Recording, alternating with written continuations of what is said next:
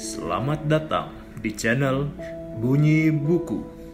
Di dalam channel ini, kami akan membacakan sejumlah buku menarik dari dalam dan luar negeri untuk Anda dengarkan di mana pun dan kapan pun Anda berada dan beraktivitas.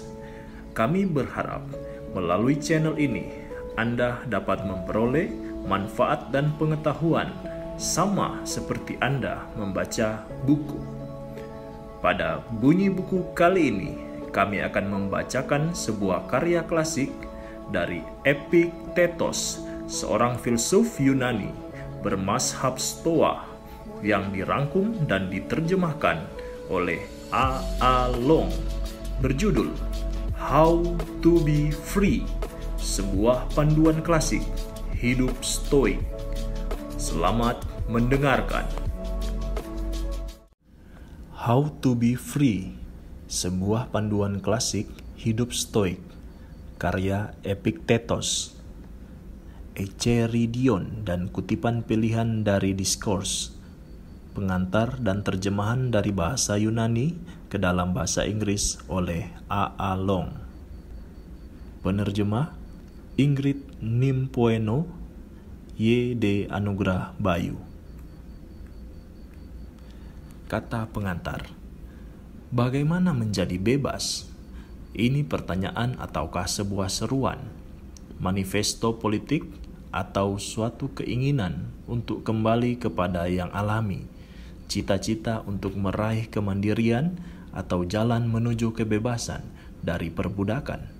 Buku ini menyajikan pendapat seorang filsuf Yunani kuno mengenai kebebasan-kebebasan yang ditafsirkan sebagai hidup selaras dengan alam, memiliki dan memerintah diri sendiri, menjadi warga dunia, selalu dan hanya menginginkan sesuatu yang kita yakin bisa mendapatkan dan banyak lagi. Epictetus sekitar 55 sampai 135 Masehi. Penulis dan pemandu kita untuk hidup menurut filsafat Stoa lahir sebagai budak, namanya dalam bahasa Yunani berarti diperoleh, dan bekerja sebagai budak dalam keluarga Epaphroditus yang juga mantan budak, seorang administrator di istana Nero di Roma. Ketika menyampaikan pikirannya mengenai kebebasan di depan kalayak, Epictetus telah beberapa tahun menikmati anugerah kebebasannya, tetapi tetapi pengalaman perbudakan meninggalkan jejak pada seluruh pandangan filsafatnya. Pelajaran pertama dalam Enchiridion, buku panduannya untuk memahami stoicisme, menegaskan bahwa segala yang merupakan tindakan kita sendiri pada dasarnya bebas, tak ada yang menghalangi dan tak ada yang mengekang. Kebebasan, menurut gagasan ini, bukan suatu status legal atau kesempatan untuk bergerak dengan bebas. Kebebasan adalah orientasi batin mereka yang kalis terhadap kegagalan atau kekecewaan, karena hasrat dan keputusan mereka tergantung pada mereka sendiri dan tidak melibatkan apa pun yang tidak bisa mereka berikan untuk diri mereka.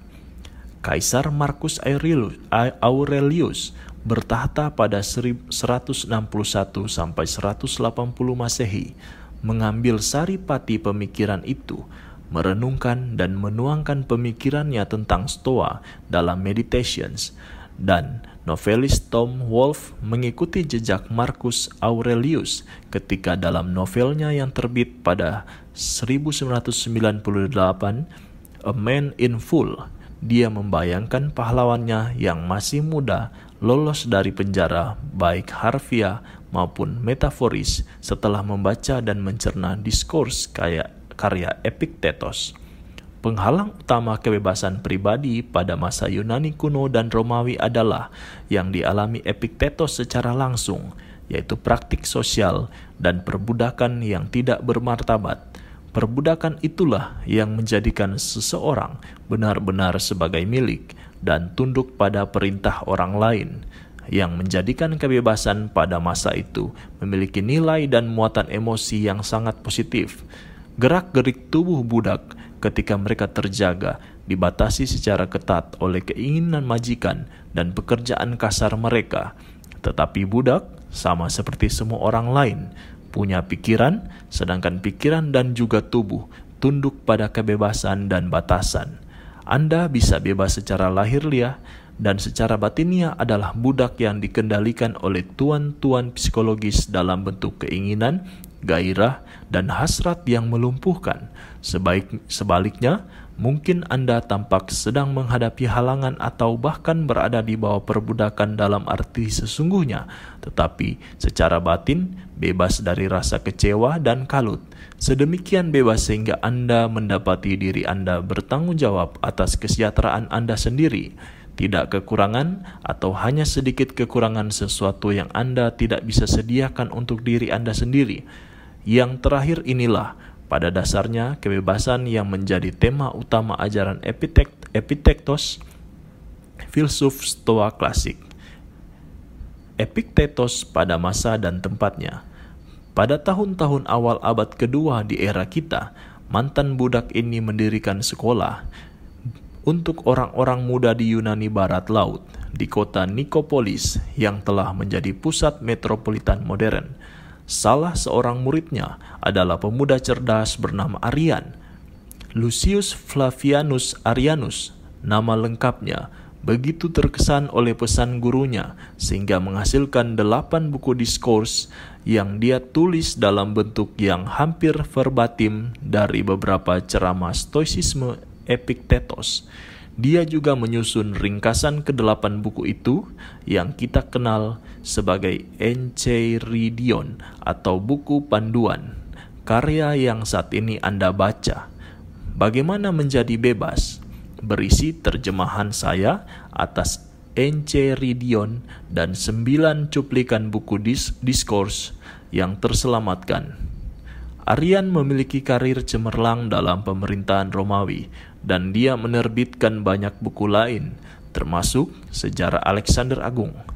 Kami tidak tahu bagaimana dia berhasil mereproduksi kata-kata Epictetus yang sesungguhnya, tetapi teks yang kami peroleh ditulis dalam koine, bahasa Yunani sehari-hari yang juga digunakan dalam Injil Perjanjian Baru, jelas merupakan suara gurunya dan bukan hanya adaptasi Aryan atas cara filsuf itu berbicara.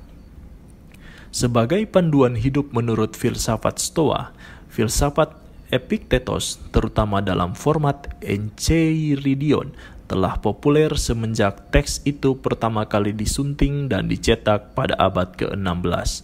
Diterjemahkan dan diterjemahkan ulang ke dalam berbagai bahasa, Kata-kata Epictetus tepat sasaran karena fokusnya yang tajam dan mudah diingat mengenai situasi yang lazim dihadapi banyak orang di segala waktu dan tempat. Emosi-emosi yang dia usulkan untuk disembuhkan, ketakutan, kecemasan, kedengkian, kemarahan, kebencian, kesedihan adalah pengalaman setiap orang Tak peduli Anda tinggal di wilayah Kekaisaran Romawi atau di masa Amerika modern, sampai di situ Epictetus tidak memerlukan pengantar. Akan tetapi, walaupun banyak skenario yang dia gambarkan mencerminkan pengalaman kita, skenario-skenario itu juga menyertakan lingkungan khas dan adat istiadat dari zamannya yang sangat lampau kita mendapati diri kita berada dalam dunia yang melingkupi budak. Enchiridion 12, 14, 26. Permandian ubud, umum, Ibit 4, 45. Pertandingan di arena, Ibit 29, 33. Dan peramal bayaran, Ibit 32. Risiko yang dialami oleh Epictetus adalah pengasingan, Ibit 21 Kekaisaran Romawi dan provinsi-provinsinya dikelola oleh sistem pemerintahan dan pejabat yang sangat kompetitif dan ketat. Ibit 1924 berebut jabatan sudah mewabah dan ini termasuk mencari pelindung menghadapi jamuan serta menarik perhatian tokoh berpengaruh. Ibit 19, 24, 25, 33. Epiktetos bergumul dengan nilai mempertahankan kemerdekaan diri dan ini mengingatkan kita bahwa murid-muridnya yang masih muda seperti Aryan yang menjadi pencatat kata-katanya sedang berada di ambang karir sebagai tentara atau pejabat kekaisaran. Ini adalah dunia dengan budaya yang didominasi lelaki seperti yang ditunjukkan Epiktetos melalui komentarnya mengenai perempuan dan peran perempuan, Ibid 40. Tetapi secara umum, Enchiridion tidak menyinggung persoalan gender dengan jelas dan benar-benar bebas dari machismo. Kau dan kita yang dimaksudkan oleh Epiktetos boleh jadi siapa pun di antara kita tanpa perlu banyak penjelasan tentang latar budaya. Kekaisaran Romawi pada masa hidup Epiktetos bersifat autokrasi mutlak, dipimpin oleh maharaja atau kaisar. Epiktetos jarang menyentuh persoalan politik, hanya menyebut kaisar sekali dalam materi buku ini, Discourses 3, dan meniadakan semua alusi pada peristiwa bersejarah.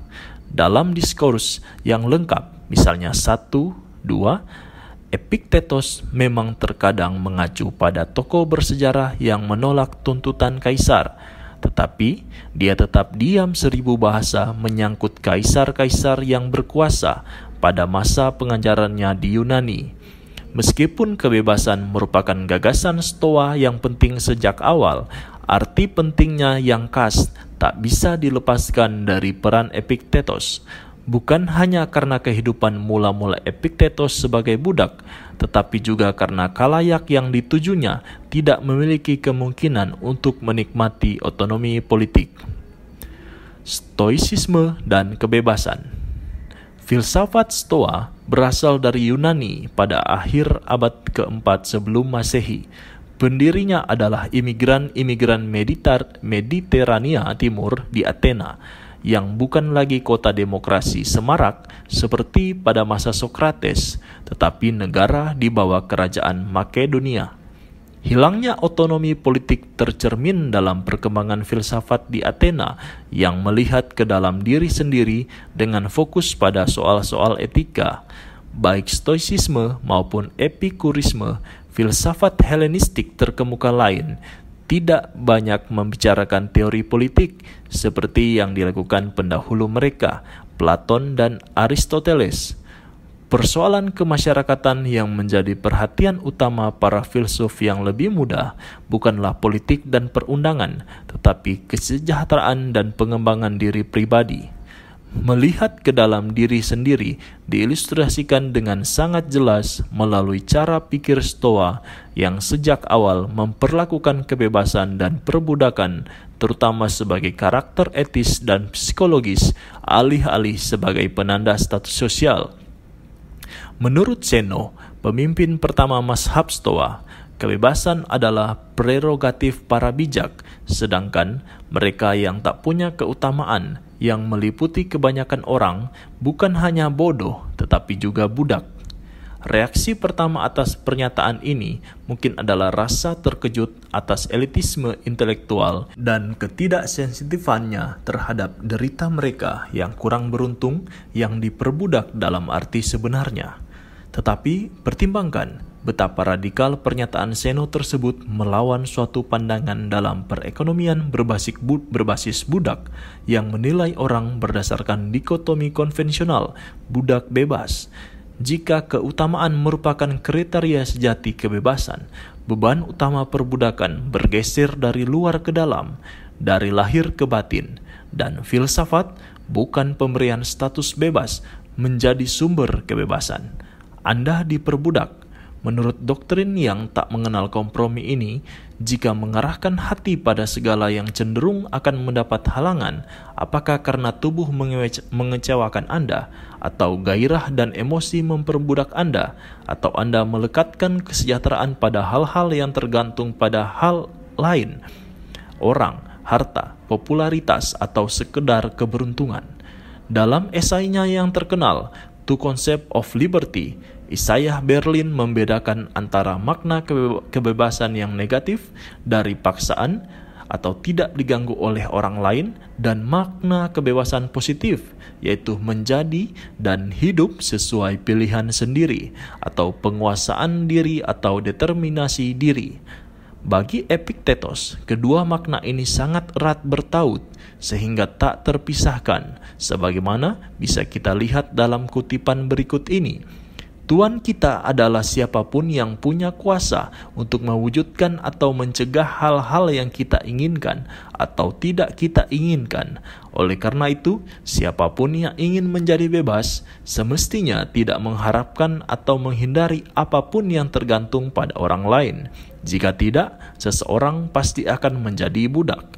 Encei Ridion 14 Kita bisa menulis ulang kalimat kedua sebagai berikut. Siapa pun yang ingin bebas dari pemaksaan harus membatasi keinginan dan keengganannya pada hal-hal yang bisa ia kendalikan sepenuhnya. Bagaimana kita bisa yakin bahwa pilihan semacam itu baik bagi kita dan baik bagi orang-orang di dekat kita? Mengapa perlu mengandalkan diri sendiri alih-alih mengikuti sepuluh perintah Allah atau serangkaian prinsip lain yang sudah teruji waktu? Bagaimana kita bisa tahu apa yang harus dipilih? Jawaban atas pertanyaan-pertanyaan ini membawa kita kembali pada keutamaan seno sebagai esensi kebebasan. Kata dalam bahasa Yunani yang ia gunakan, Sophia, dalam pemakaian sehari-hari bisa mencakup segala jenis keahlian, mulai dari keterampilan praktis seperti pertukangan hingga pengetahuan abstrak seperti geometri. Secara umum, Sophia menandakan penerapan yang berhasil atas suatu keahlian dan keahlian yang dimaksud Seno dan filsuf-filsuf Stoa selanjutnya adalah seni menjalani kehidupan. Kita bisa memoles seni ini sebagai mengetahui cara hidup dalam keselarasan, keselarasan dengan kodrat kita sebagai manusia, dan keselarasan dengan lingkungan fisik serta sosial kita.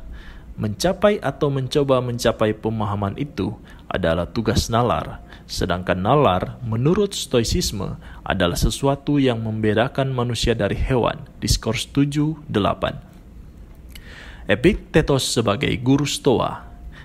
Teks-teks Epictetus yang akan Anda baca dalam buku ini menjabarkan doktrin-doktrin di atas dan menjelajahi implikasinya sebagai panduan kehidupan sehari-hari Konteksnya beragam, berkisar dari kehidupan keluarga dan profesional sehari-hari hingga situasi-situasi yang menantang seperti penyakit, kemiskinan, dan kematian. Epictetus tidak menarik gaya garis batas yang tegas antara moral dan tata krama. Lihat NC Ridion 33. Semua yang ia anjurkan untuk kita lakukan dan pikirkan berhubungan erat dengan pertanyaannya yang utama, Apakah ini sesuatu yang dalam kendaliku untuk memutuskan dan memulainya, ataukah haruskah aku menerimanya dengan tenang dan dingin sebagai situasi yang muncul dari hal-hal di luar kendaliku? Perenungan sejenak akan memperlihatkan bahwa pertanyaan atau atau tersebut mencakup hampir semua situasi yang bisa dibayangkan. Seseorang bersikap kasar terhadap Anda, itu terjadi di luar kendali Anda tetapi Anda punya kebebasan penuh dalam cara menanggapinya. Terjadi kecelakaan, orang tercinta meninggal, Anda melamar pekerjaan tetapi tidak mendapatkannya, Anda jatuh sakit. Semua ini bukan perbuatan atau tanggung jawab Anda, tetapi dalam setiap kasus itu, Anda dihadapkan pada hal lain yang bisa Anda lakukan yaitu memperlakukan situasi itu sebagai kesempatan untuk melaksanakan kepelakuan, agensi, dan penilaian Anda sendiri, alih-alih menempatkan diri sebagai korban kekuatan di, di luar diri Anda, atau sebagai diperlakukan buruk, atau sebagai yang sangat malang. Pesan Epictetus tentang kebebasan ketika dinyatakan dalam istilah modern yang tepat mungkin cocok dengan nasihat yang biasa kita dengar dengan semacam sadarlah, bersikap dewasalah, tunjukkan seperti apa dirimu, biarkan saja, pikirkan saja urusanmu sendiri. Anda bisa menemukan pesan yang kurang lebih setara dengan nasihat-nasihat itu dalam beberapa teks yang diterjemahkan dalam buku ini. Keakraban pesan-pesan ini di telinga kita tak lepas dari bagaimana stoicisme kuno telah mempengaruhi pemikiran dan pendidikan barat sejak masa-masa ketika pemikiran Epictetus, Seneca, dan Marcus Aurelius untuk pertama kalinya diserap ke dalam kebudayaan Eropa dan Amerika.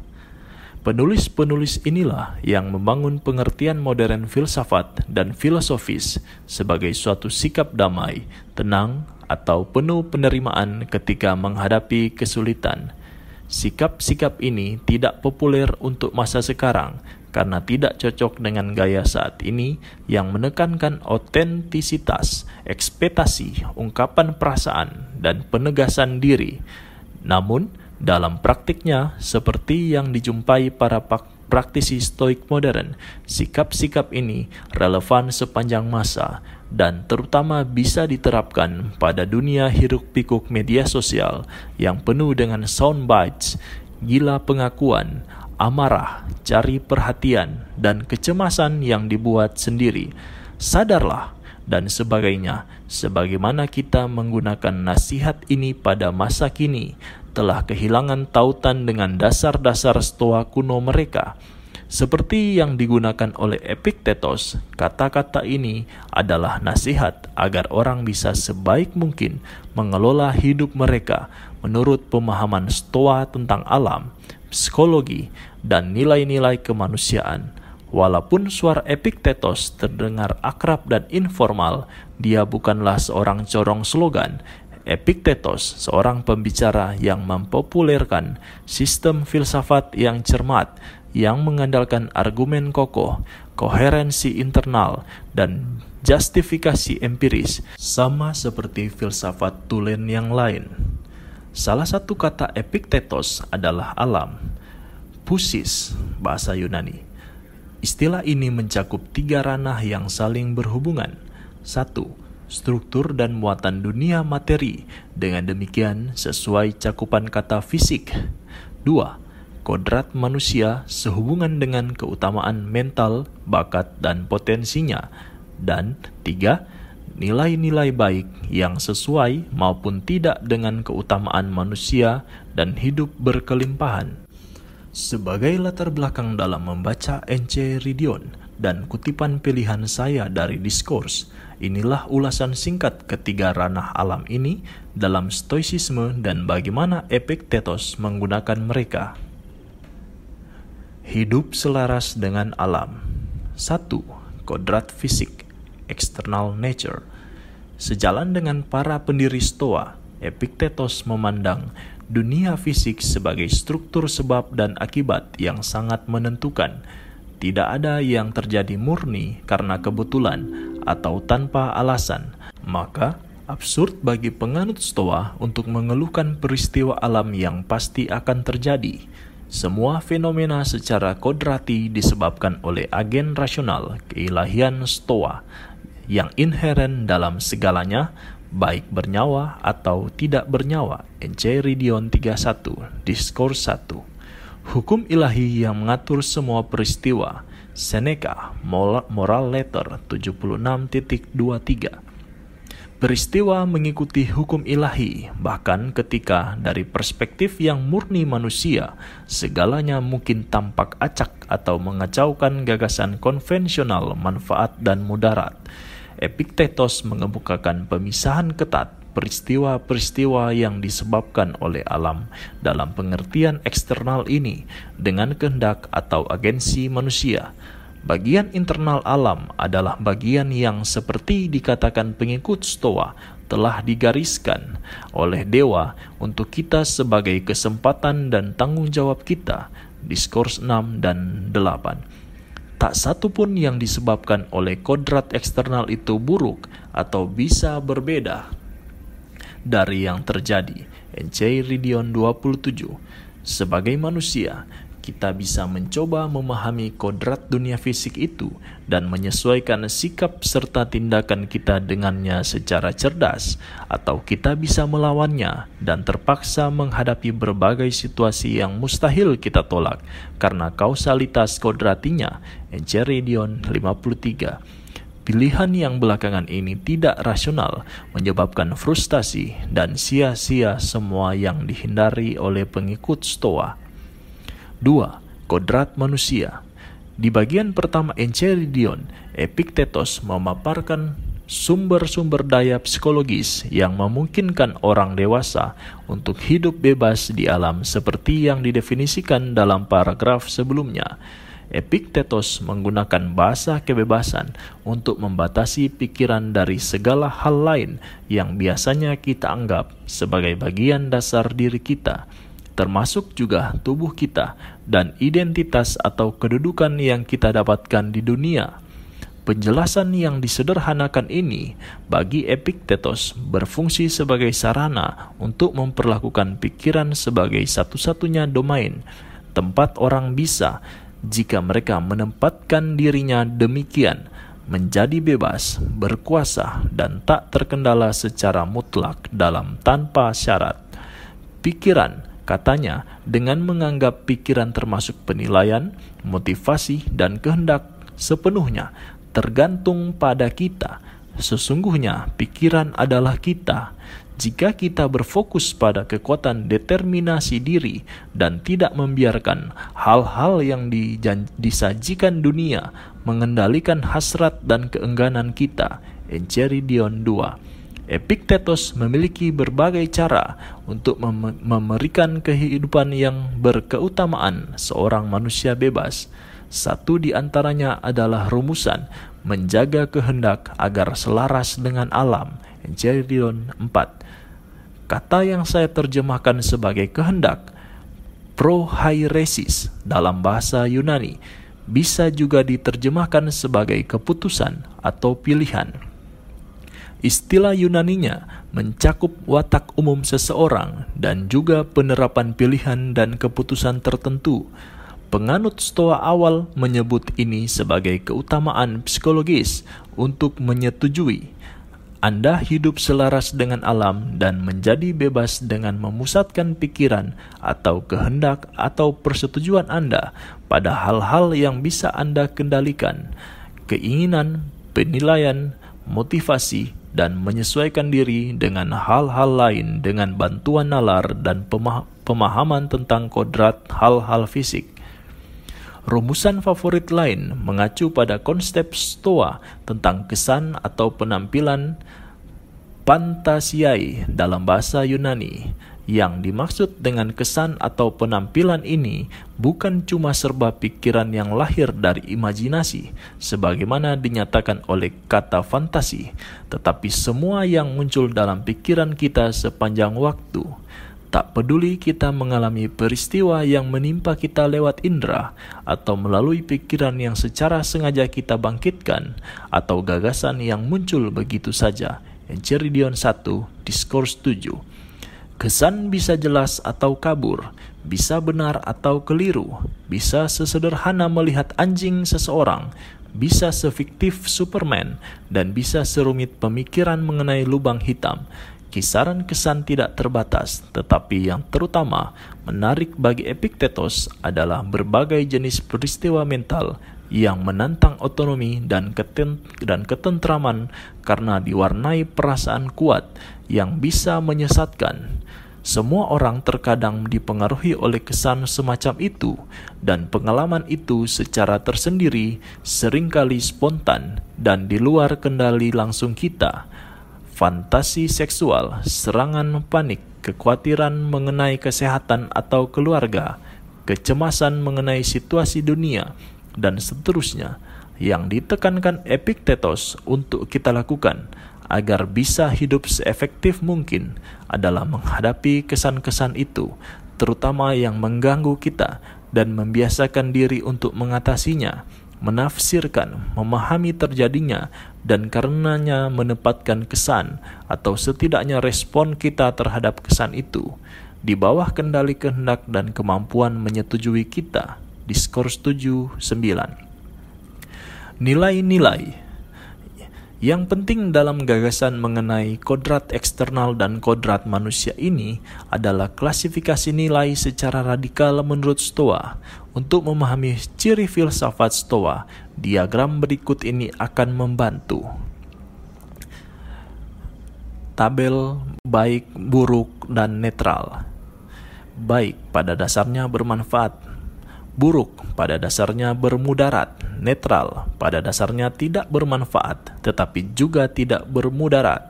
Baik tergantung pada kita, buruk tergantung pada kita, netral tidak tergantung pada kita. Baik kebajikan, kebijakan, kebahagiaan, buruk kesalahan, ketololan, ketidakbahagiaan, netral misalnya kemiskinan, kekayaan. Baik tergantung pada pikiran, buruk tergantung pada pikiran, netral tidak tergantung pada pikiran, baik selaras dengan kodrat, buruk tidak selaras dengan kodrat. Kunci klasifikasi nilai ini adalah gagasan bahwa kebaikan dan keburukan sepenuhnya berasal dari pikiran, watak, dan tindakan manusia, bukan berasal dari kodrat fisik atau peristiwa eksternal. Doktrin ini membatasi kebaikan dan keburukan pada manfaat atau mudarat yang kita datangkan kepada diri kita sendiri dengan memilih dan memutuskan untuk bertindak dan bereaksi seperti yang kita lakukan. Baik dan buruk mengandung pengertian dasarnya masing-masing, yaitu bermanfaat dan bermudarat, tapi filsafat Stoa membatasi cakupan manfaat, kebaikan, dan mudarat keburukan menurut kriteria yang diringkas dalam tabel. Untuk bisa disebut baik atau buruk, satu-satunya yang diperhitungkan secara tegas adalah pada dasarnya bermanfaat di satu sisi dan pada dasarnya bermudarat di sisi lain. Sesuatu yang baik, misalnya kebijakan, selalu dan sudah barang tentu bermanfaat untuk orang yang arif, manfaat adalah unsur pokok dalam kebijakan dan dengan alasan yang sama, ketololan pada dasarnya membawa mudarat. Semua yang lain jatuh dalam kategori hal-hal netral. Adiapora dalam bahasa Yunani. Enchiridion 32. Berarti hal-hal yang pada dasarnya tidak baik atau tidak bermanfaat tetapi juga pada dasarnya tidak buruk atau tidak bermudarat banyak hal tergolong netral karena akan tidak masuk akal untuk menilai mereka secara positif atau negatif. Misalnya, jumlah rambut di kepala seseorang atau memilih antara kacang polong yang ini atau yang itu. Tetapi penganut Stoa memperluas kenetralan untuk banyak hal yang secara alami menjadi kepedulian orang, misalnya kesehatan dan kekayaan dan mereka juga memperluas kenetralan untuk hal-hal yang secara alami tidak disukai orang, seperti penyakit dan kemiskinan. Pemikiran Stoa yang memisahkan kebaikan dan keburukan dari hal-hal yang secara alami menjadi keinginan dan keengganan orang, semacam itu memicu perdebatan sengit yang tak berujung. Tetapi para Stoik itu tahu apa yang mereka lakukan, dan tidak ada filsuf Stoa yang dapat mengungkapkannya dengan lebih jelas selain Epictetus. Reformasi linguistik dan konseptual mereka karena memang itulah maksudnya, meminta kita untuk menghadapi pertanyaan berikut ini. Satu, apakah kebaikan konvensional seperti kesehatan dan kekayaan selalu dan pada dasarnya bermanfaat bagi kita? Dua, apakah hal-hal itu diperlukan untuk kebahagiaan? Tiga, apakah hal-hal itu dalam kendali kita? Empat, apakah hal-hal itu dalam kendali pikiran? Dan lima, Apakah hal-hal itu selaras dengan kodrat kita yang rasional? Jika jawaban atas semua pertanyaan itu serempak adalah tidak, seperti disimpulkan penganut Stoa, kita tidak bisa yakin akan mencapai kebahagiaan jika menggantungkan kebahagiaan pada keberhasilan mendapatkan hal-hal semacam itu atau menghindari hal-hal sebaliknya. Selain itu, dengan menjadikan kebahagiaan tergantung pada keadaan, kita menyerahkan kebebasan dan ketenangan kita, serta menempatkan diri pada resiko kegagalan dan kekecewaan. Sebaliknya, dengan membatasi kebaikan dan manfaat pada keutamaan dan kearifan yang tergantung pada pikiran, kita bisa mempertahankan kebahagiaan yang sesuai dengan sifat kita sebagai makhluk rasional, dan kita bisa menyesuaikan diri secara efektif dengan kodrat fisik dan semua yang berada di luar kendali kita. Ketika dinyatakan dalam istilah yang lugas, kemungkinan besar doktrin Stoa akan dianggap tidak praktis dan tidak mengindahkan keinginan manusia normal oleh mereka yang pertama kali mendengarkannya. Tetapi masih begitu banyak yang belum saya kemukakan. Pertama-tama, penganut setua setuju bahwa secara alami kita lebih memilih kesehatan dan kesejahteraan dan bahwa sikap alami kita terhadap lawan dari kondisi ini adalah negatif. Kedua, mereka setuju bahwa kita tidak bisa menjalani kehidupan yang rasional dan harmonis jika kita mengabaikan semua kecenderungan dan ketidaksesuaian alami ini. Tetapi kesukaan dan ketidaksukaan alami harus dibedakan secara tegas dari hasrat dan keengganan yang menjadi tambatan kehendak kita dan gantungan harapan kita akan kebahagiaan.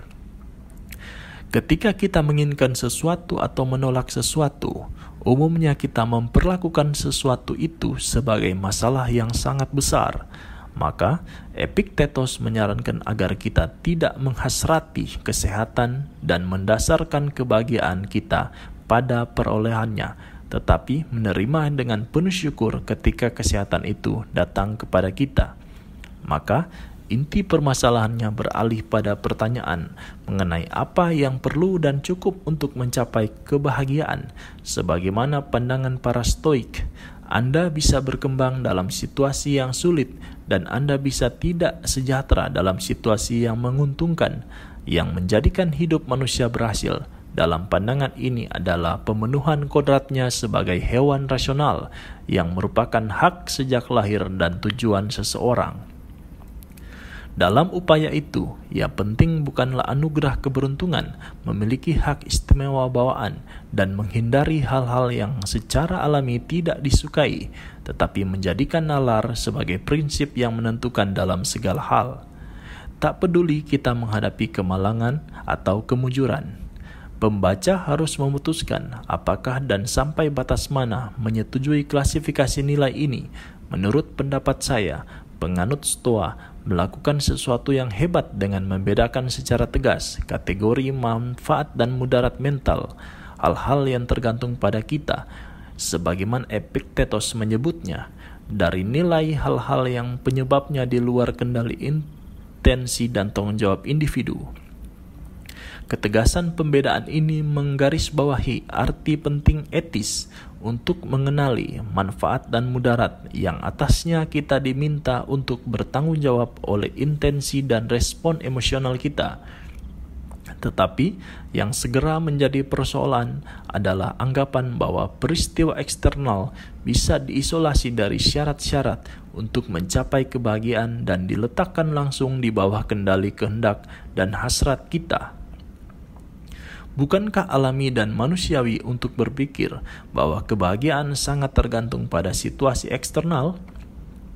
Apakah cara hidup stoik bisa diterapkan oleh orang biasa yang rentan melakukan kesalahan seperti sebagian besar dari kita? Epiktetos mungkin terasa memaksa dan mengharuskan. Namun, maksudnya sebagai seorang guru adalah hendak menunjukkan kepada muridnya bagaimana membuat kemajuan ke arah tujuan stoik dan tidak berhenti untuk hanya menjadi biasa. Dia sangat sadar bertindak secara konsisten berdasarkan sistem nilai yang saya jelaskan itu kiranya menjadi petuah ideal yang bahkan di luar kesanggupannya.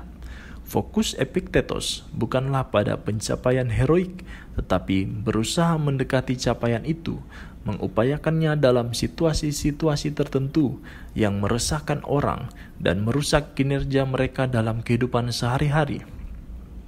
Anda tidak perlu menyetujui determinis, determinisme dan teologi takdir stoik sebagai prasyarat mempelajari cara hidupnya.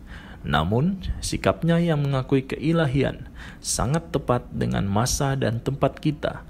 Jika kita menafsirkannya sebagai kesensitifan terhadap anugerah lingkungan, saya sangat menganjurkan Anda, pembaca, untuk mengenali ciri penting teori-teori ini dalam penjabaran Epictetus dan untuk membantu proses pengenalan itu, saya telah melampirkan rujukan terpilih dalam ulasan tentang filsafat alamnya.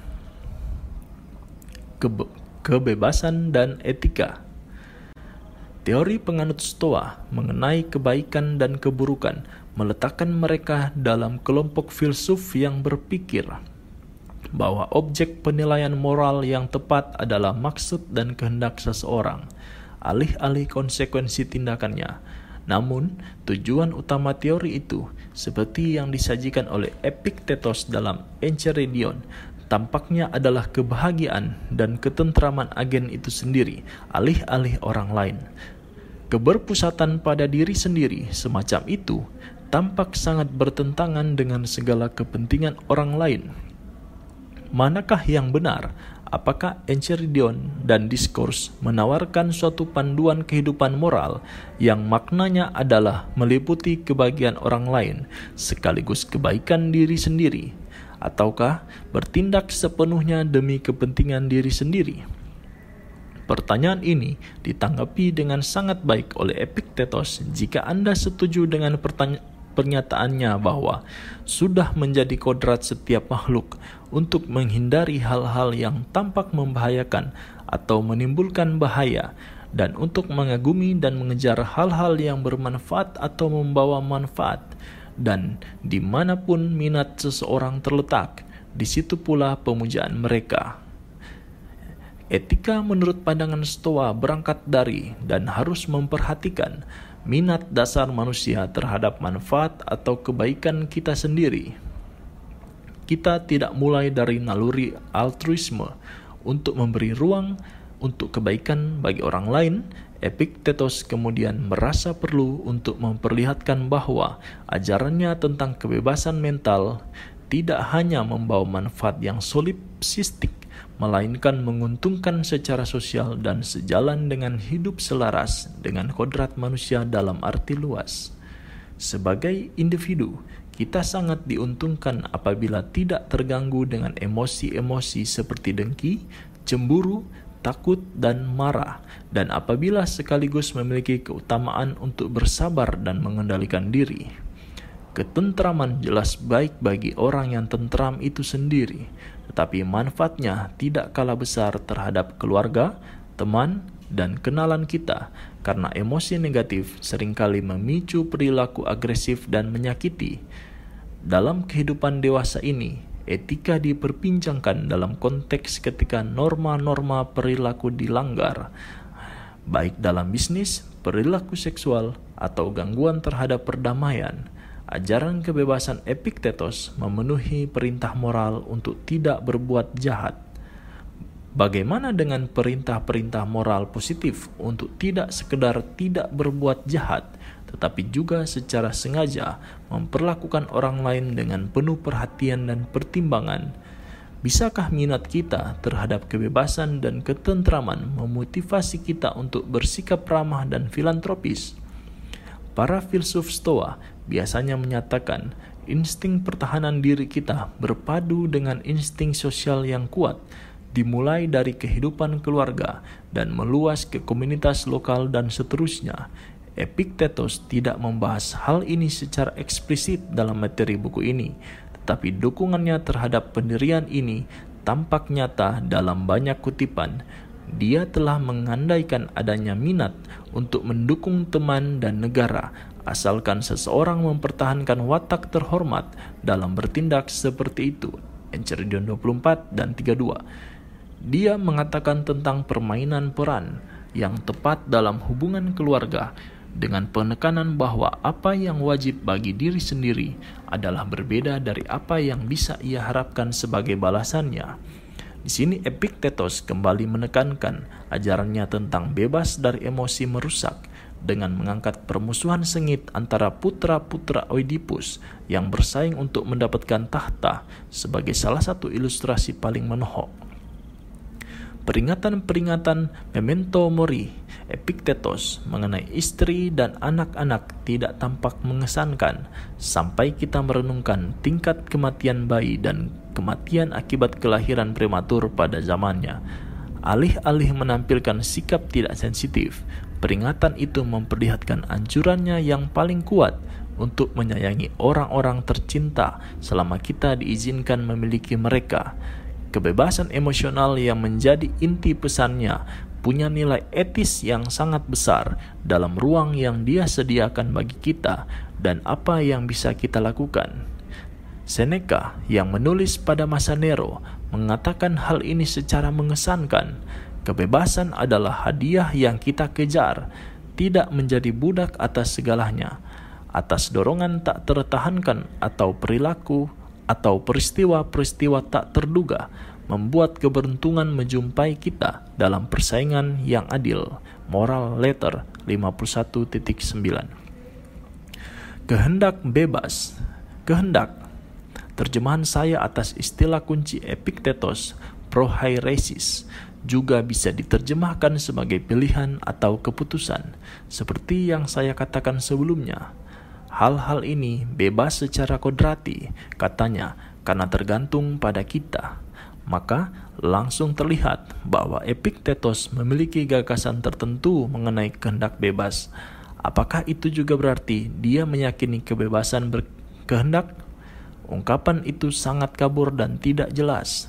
Terkadang hal itu dimaknai sebagai bahwa orang yang sama dalam situasi yang sama boleh jadi bisa memilih untuk bertindak berbeda dari yang telah dia putuskan, seandainya diberi pilihan yang sesungguhnya atas berbagai alternatif masa depan. Kita bisa menyebut pendapat ini sebagai kebebasan indeterminis. Bukan hanya itu yang ada dalam pikiran Epictetus, anjurannya yang berkobar-kobar terhadap otonomi, bisa memberi kesan bahwa lingkup mental kebebasan tidaklah berbatas, tetapi kesan semacam itu terlalu melebih-lebihkan. Seperti pemikir stoa pendahulunya, pendahulunya, Epictetus menerima takdir, yang berarti bahwa tidak ada yang terjadi, termasuk tindakan kita sendiri, tanpa penyebab yang telah ditentukan sebelumnya. Dari perspektif kacamata dewa, kisah kehidupan setiap orang sudah ditentukan dan ditetapkan termasuk semua pilihan dan keputusan tertentu yang akan dibuat. Yang menarik bagi Epictetus bukanlah riwayat dan peluang yang tersedia dalam kita membuat keputusan, apakah saya atau Anda bisa menjadi orang yang berbeda dari bagaimana kita pada akhirnya, tetapi apa yang kita tuju dengan keputusan yang kita ambil atas pilihan dan harapan kita, dan bagaimana kita menggunakan daya untuk menyetujui. Siapa pun yang ingin bebas tidak seharusnya mengharapkan atau menghindari apa pun yang tergantung pada orang lain. Tentu saja, sebagian besar di antara kita memiliki harapan yang jauh lebih ugal-ugalan.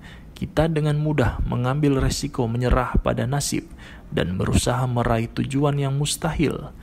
Menurut Epictetus, dengan demikian, orang terus-menerus menampil kehendak bebas yang merupakan potensi kodrati dan terbaik mereka.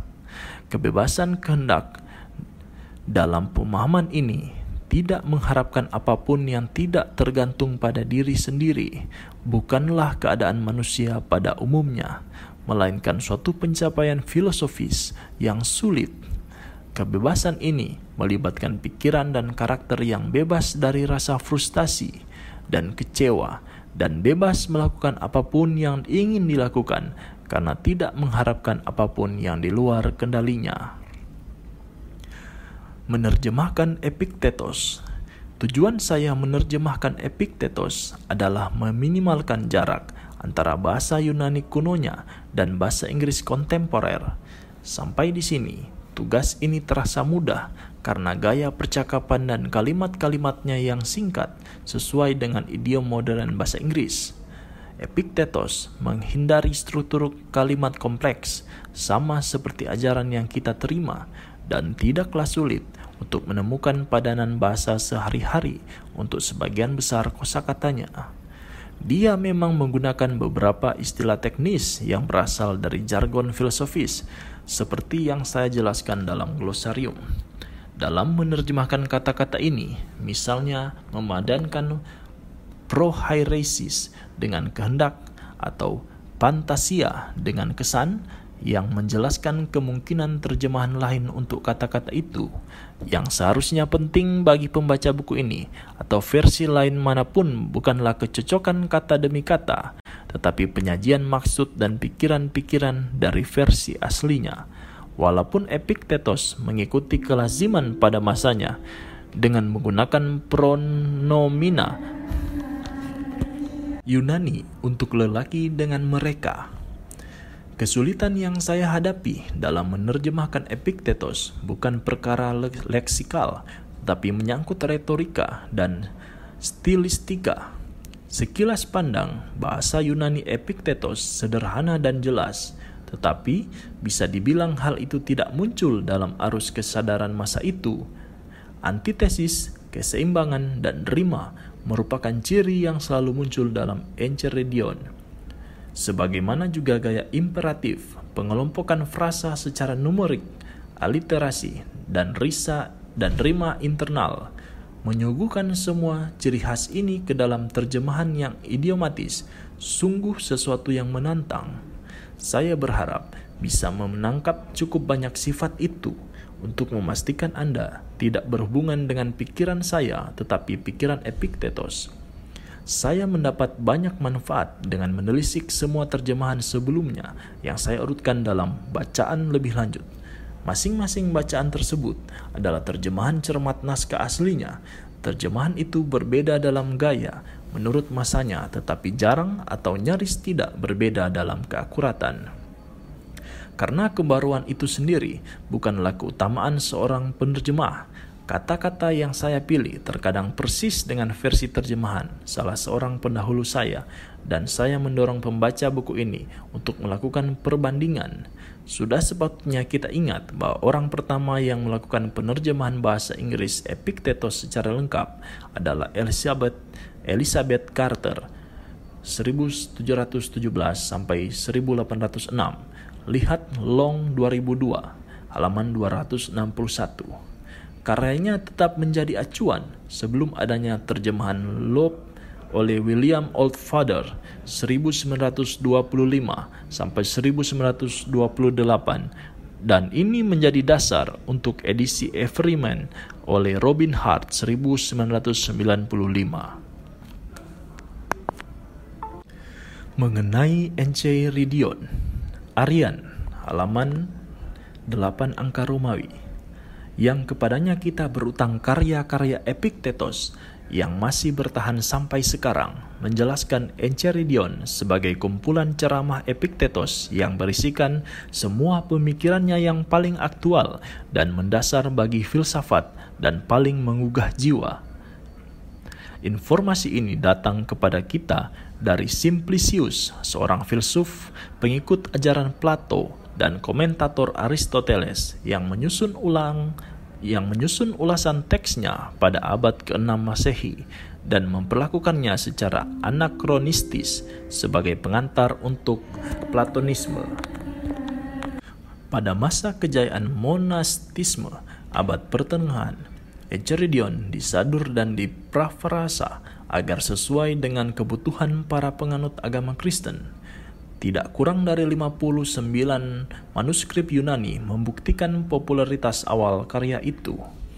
Sebagai judul buku, Enchiridion bukanlah ciptaan Aryan. Kata Yunani chair berarti, tang berarti tangan dan Enchiridion secara harfiah adalah benda kecil untuk ditenteng.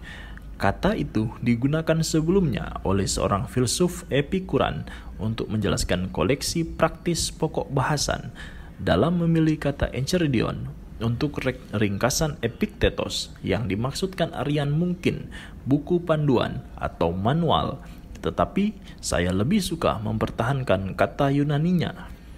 Mula-mula penggunaan kata Enchiridion mengacu pada pisau kecil atau belati. Aryan mungkin berharap bisa menimbulkan konotasi itu demi mempertahankan dan melindungi karya itu. Hal itu cocok dengan pesan yang ia tulis pada awal dan akhir teks untuk terus mengedarkan atau proceiron pesan Epictetus dari tangan ke tangan. Dalam tiruan yang kentara, Erasmus pada 1501 menerbitkan karya dalam bahasa Latin berjudul Enchiridion Militis Christiani, Manual Laskar Kristen. Ke-53 bagian Enchiridion panjangnya beragam, dari esai yang terdiri dari beberapa ratus kata dan daftar panjang do and don't hingga beberapa kalimat saja. Setiap bagian berdiri sendiri, tetapi secara keseluruhan koleksi itu punya struktur yang jelas. Bagian pertama yang merinci hal-hal yang tergantung pada kita atau tidak tergantung pada kita, jelas merupakan pengantar dan penjelasan. Butir 53 dengan kutipan peringatannya menyimpulkan seluruh buku. Mendekati pertengahan, pada bagian 22, Epictetus mengalihkan fokusnya dari nasihat umum untuk meraih kebebasan dan ketenteraman menjadi nasihat khusus untuk calon filsuf. Dia tidak menyapa kalayaknya sebagai penganut stoa, mungkin karena perhatian utamanya bukanlah afiliasi dengan mazhab filsafat tertentu, tetapi dengan gaya hidup yang harus dipatuhi oleh siapa pun yang layak disebut filsuf. Cara hidup yang keras dan penuh tuntutan, tetapi juga bersahaja dan tidak pamer. Namun beberapa bagian selanjutnya, misalnya 36, 42, 45, 49, dan 52, menyinggung doktrin-doktrin dan terminologi stoa tertentu seperti yang saya jelaskan dalam glosarium. Dalam diskurs, seperti yang akan terlihat dari kutipannya dalam buku ini, Epictetus sering menulis dalam gaya percakapan. Bagian 24 Enchiridion ditulis dengan gaya itu, dan bagian 29 mengulangi diskurs 3.15, kurang lebih kata per kata. Namun, Secara umum, Enchiridion lebih tegas daripada diskurs dan tidak begitu bertele-tele. Harap ini diingat dan Anda harus melakukan itu dan seterusnya.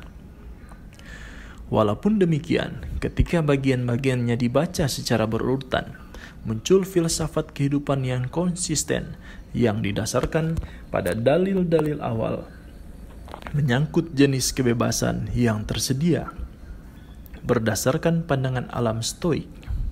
Saya menyarankan pembaca untuk mencari argumen-argumen tersirat yang terus-menerus digunakan Epictetus lewat penggunaan klausa bersyarat. Jika Anda menginginkan ini, maka konsekuensinya adalah dan seterusnya.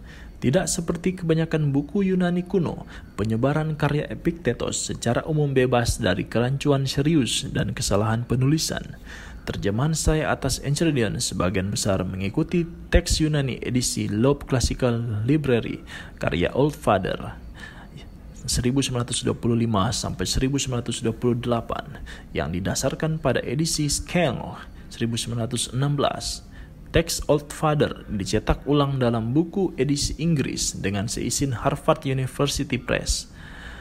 Pada beberapa kesempatan, terjemahan saya atas sebuah kata atau frasa mengikuti edisi Botter 1999 seperti yang ditunjukkan dengan tanda salib.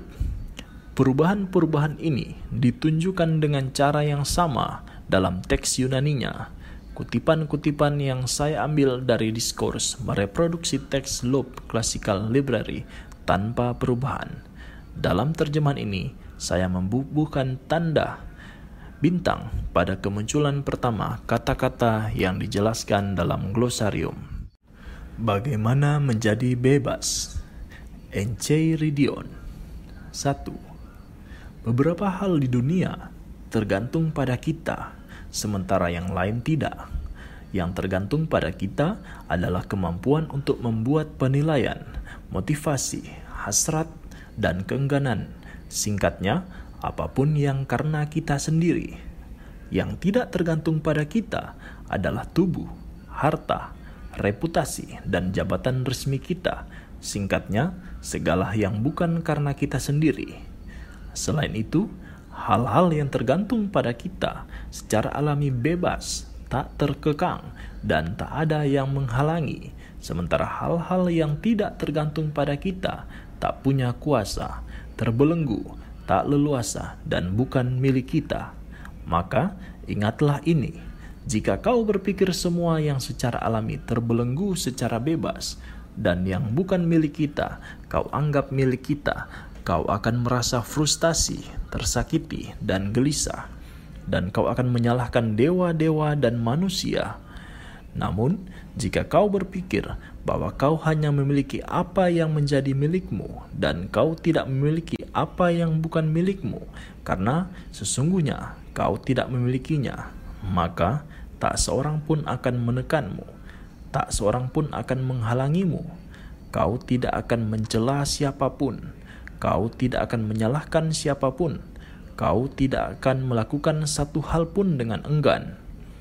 Tak seorang pun akan menyakitimu, kau tidak akan punya musuh, karena tidak ada yang buruk yang akan menimpamu. Maka, ingatlah bahwa kau harus memiliki motivasi yang sangat kuat jika ingin mencapai tujuan-tujuan besar semacam itu, kau harus benar-benar melupakan beberapa hal dan menunda yang lainnya untuk saat ini.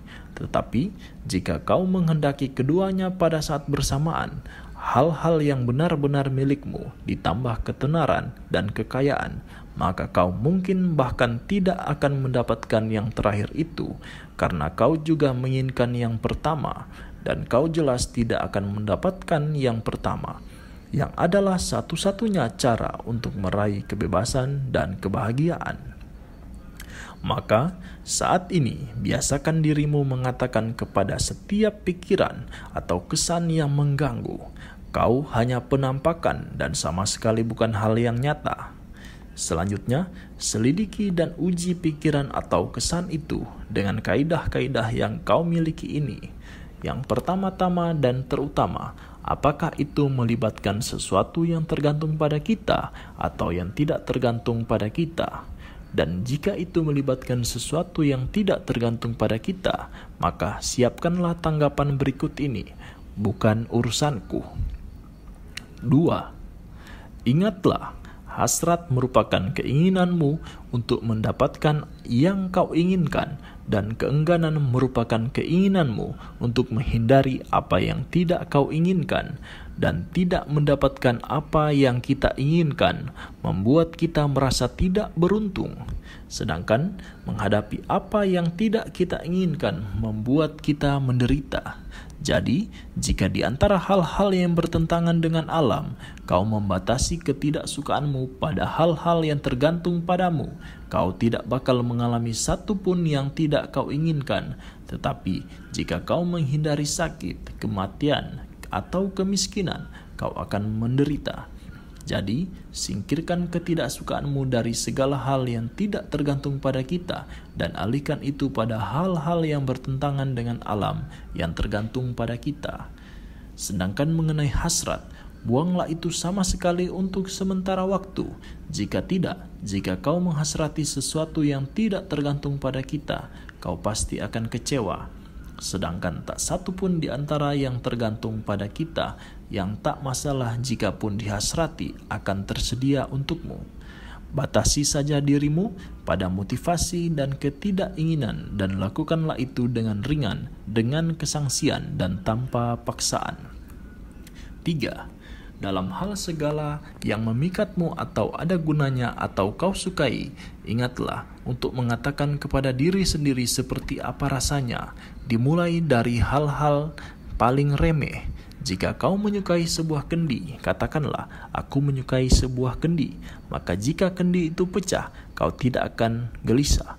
Ketika kau mencium istri atau anakmu yang masih kecil, katakan bahwa kau mencium seorang manusia. Maka, jika salah seorang dari mereka meninggal, kau tidak akan berduka. 4.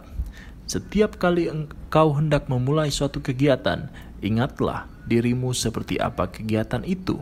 Jika kau pergi untuk mandi, bayangkan apa yang terjadi di suatu permandian. Orang-orang di sana yang mencipratimu atau menyikutmu atau bicara kasar atau mencuri barang-barangmu. Dengan begitu, kau akan lebih siap memulai kegiatan itu dengan mengatakan kepada dirimu sendiri sejak awal, "Aku ingin mandi dan aku juga ingin menjaga agar kehendakku selaras dengan alam." latihlah ini dalam setiap kegiatan. Maka, jika terjadi sesuatu yang menghalangi mandimu, kamu sudah siap dengan tanggapan berikut. Ah, ini bukan satu-satunya yang kuinginkan. Aku juga menginginkan kehendakku selaras dengan alam. Tak seharusnya kuinginkan itu jika aku marah pada apa yang terjadi. 5. Bukan hal-hal itu sendiri yang meresahkan orang, tetapi pendapat mereka mengenai hal-hal itu. Kematian, misalnya, bukanlah sesuatu yang mengerikan. Jika tidak, Sokrates pun akan menganggapnya mengerikan. Tetapi yang mengerikan adalah pendapat bahwa kematian itu mengerikan. Jadi, setiap kali kita merasa frustasi atau gelisah atau tersakiti, Jangan pernah kita menuduh siapa pun bertanggung jawab selain diri kita sendiri, yang berarti pendapat kita sendiri. Orang yang tak berpendidikan akan menyalahkan orang lain jika mereka bertindak tidak baik. Mereka yang sedang belajar akan menyalahkan diri mereka sendiri, tetapi orang yang sudah sepenuhnya berpendidikan tidak akan menyalahkan siapa pun, baik dirinya sendiri maupun orang lain. 6 jangan memegahkan dirimu dengan keunggulan yang bukan milikmu. Jika seekor kuda berbangga mengatakan aku cantik, itu bisa diterima. Tetapi ketika kau merasa bangga dan mengatakan, aku punya kuda yang cantik, akuilah bahwa kau sedang membanggakan keunggulan milik kuda itu. Kalau begitu, apa yang milikmu sendiri? Pengelolaan kesan. Jadi, setiap kali kau selaras dengan alam dengan melakukan pengelolaan itu, maka itulah saatnya kau membanggakan dirimu. Karena ketika itulah kau akan punya keunggulan yang menjadi milikmu sendiri untuk kau banggakan. 7. Ketika sedang berlayar, kapalmu kemudian berlabuh jika kau turun untuk mengambil air, sepanjang perjalanan kau mungkin akan memungut dedaunan dan kerang-kerang mungil, tetapi kau harus tetap ingat pada kapal itu dan selalu menoleh ke belakang. Kalau-kalau kaptennya memanggil, dan jika dia sudah memanggil, kau harus meninggalkan semua itu agar kau tidak diikat dan dijejalkan ke atas kapalnya, layaknya domba. Begitulah juga dalam kehidupan, jika kau dianugerahi istri dan anak-anak, alih-alih dedaunan dan kerang mungil, itu bukanlah masalah. Tetapi jika kapten memanggilmu, berlarilah ke kapal dan tinggalkan semuanya tanpa menengok ke belakang. Dan jika kau sudah tua, jangan pernah pergi jauh dari kapal, agar kau sekiranya tidak ketinggalan ketika dia memanggil. 8. Jangan meminta agar sesuatu terjadi seperti yang kau inginkan, tetapi berharaplah agar terjadi sebagaimana hal-hal itu sungguh terjadi, maka kau akan baik-baik saja. 9. Penyakit merupakan halangan bagi tubuh, tetapi bukan bagi kehendak, kecuali jika kehendak itu ingin dihalangi. Kelumpuhan merupakan halangan bagi kaki, tetapi bukan bagi kehendak. Jika kau selalu mengatakan seperti ini dalam setiap kejadian, kau akan mendapati bahwa hambatan adalah untuk yang lain, bukan untuk dirimu sendiri. 10. Dalam segala situasi, ingatlah untuk berpaling kepada dirimu sendiri dan bertanya sumber daya apa yang kau miliki untuk menghadapi hal ini. Jika kau melihat seorang laki-laki atau perempuan berparas rupawan, kau akan mendapati bahwa pengendalian diri adalah kemampuan yang tepat. Jika rasa sakit menimpamu, kau akan menemukan daya tahan. Jika sikap kasar, kau akan menemukan kesabaran. Dengan mengembangkan kebiasaan ini, kau tidak akan terhanyut oleh kesan-kesan pertama. 11. Jangan pernah mengatakan tentang sesuatu, "Aku telah kehilangannya," tetapi katakan, "Aku telah mengembalikannya." Apakah anakmu yang masih kecil meninggal? Anak itu telah kembali. Apakah istrimu meninggal? Dia telah kembali. Tanahku telah dirampas? Tidak. Tanah itu juga telah dikembalikan, tapi orang jahat yang mencurinya. Mengapa kau peduli pada yang digunakan sang donor untuk menuntut pengembaliannya? Selama hal-hal ini diberikan kepadamu, rawatlah mereka sebagai hal-hal yang bukan milikmu, sama seperti pelancong memperlakukan penginapan mereka. 12. Jika kau ingin membuat kemajuan, Buanglah cara berpikir seperti ini. Jika aku mengabaikan bisnisku, aku tidak akan punya apa-apa untuk hidup. Atau jika aku tidak menghukum budakku, dia tidak akan bersikap baik. Lebih baik mati kelaparan dalam keadaan pikiran tenang dan percaya diri daripada hidup gelisah di tengah kelimpahan. Dan juga lebih baik jika budakmu tidak baik daripada kau tidak bahagia. Jadi, mulailah dengan hal-hal kecil misalnya minyak yang tumpah atau anggur yang dicuri. Lalu katakan kepada dirimu sendiri, inilah harga yang harus dibayar untuk tidak gelisah, harga untuk ketentraman. Tidak ada yang gratis. Ketika kau memanggil budakmu, ingatlah bahwa dia bisa tidak menanggapi atau kalau menanggapi, mungkin dia tidak melakukan apa pun yang kau inginkan yang mana pun dia tidaklah terlalu penting untuk menjadi andalan ketentramanmu. Jika kau ingin maju, jangan takut untuk tampak tolol dan konyol sepanjang menyangkut yang lahiriah dan jangan ingin seperti yang seperti ahli.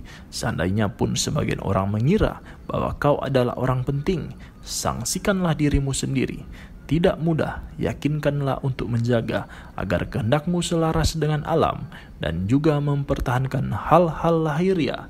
Jika kau peduli pada salah satunya, kau pasti akan mengabaikan yang satu lagi. 14.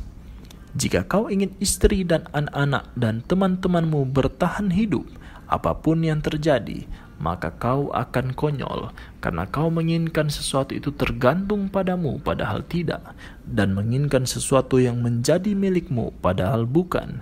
Kau juga tolol jika menginginkan budakmu tidak membuat kesalahan karena kau menginginkan inferioritas sebagai sesuatu yang lain alih-alih sebuah kelemahan.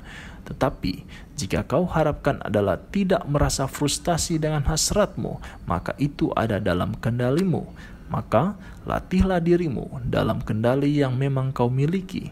Tuhan kita adalah siapa pun yang memiliki kendali untuk mendatangkan atau mencegah sesuatu yang kita inginkan atau tidak kita inginkan.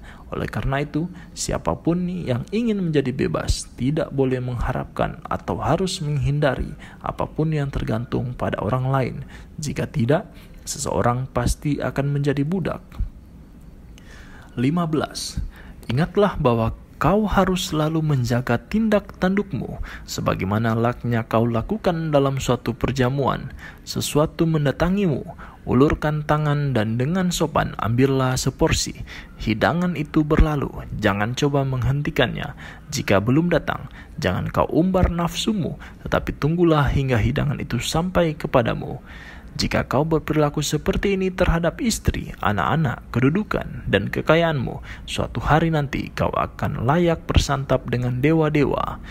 Dan jika kau tidak mengambil pun ketika sesuatu itu diletakkan di hadapanmu, tetapi kau melewatkannya saja, kau bukan hanya akan bersantap dengan dewa-dewa, tetapi juga berbagi kekuasaan dengan mereka.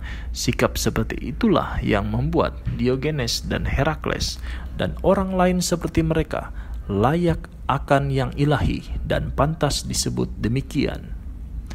16.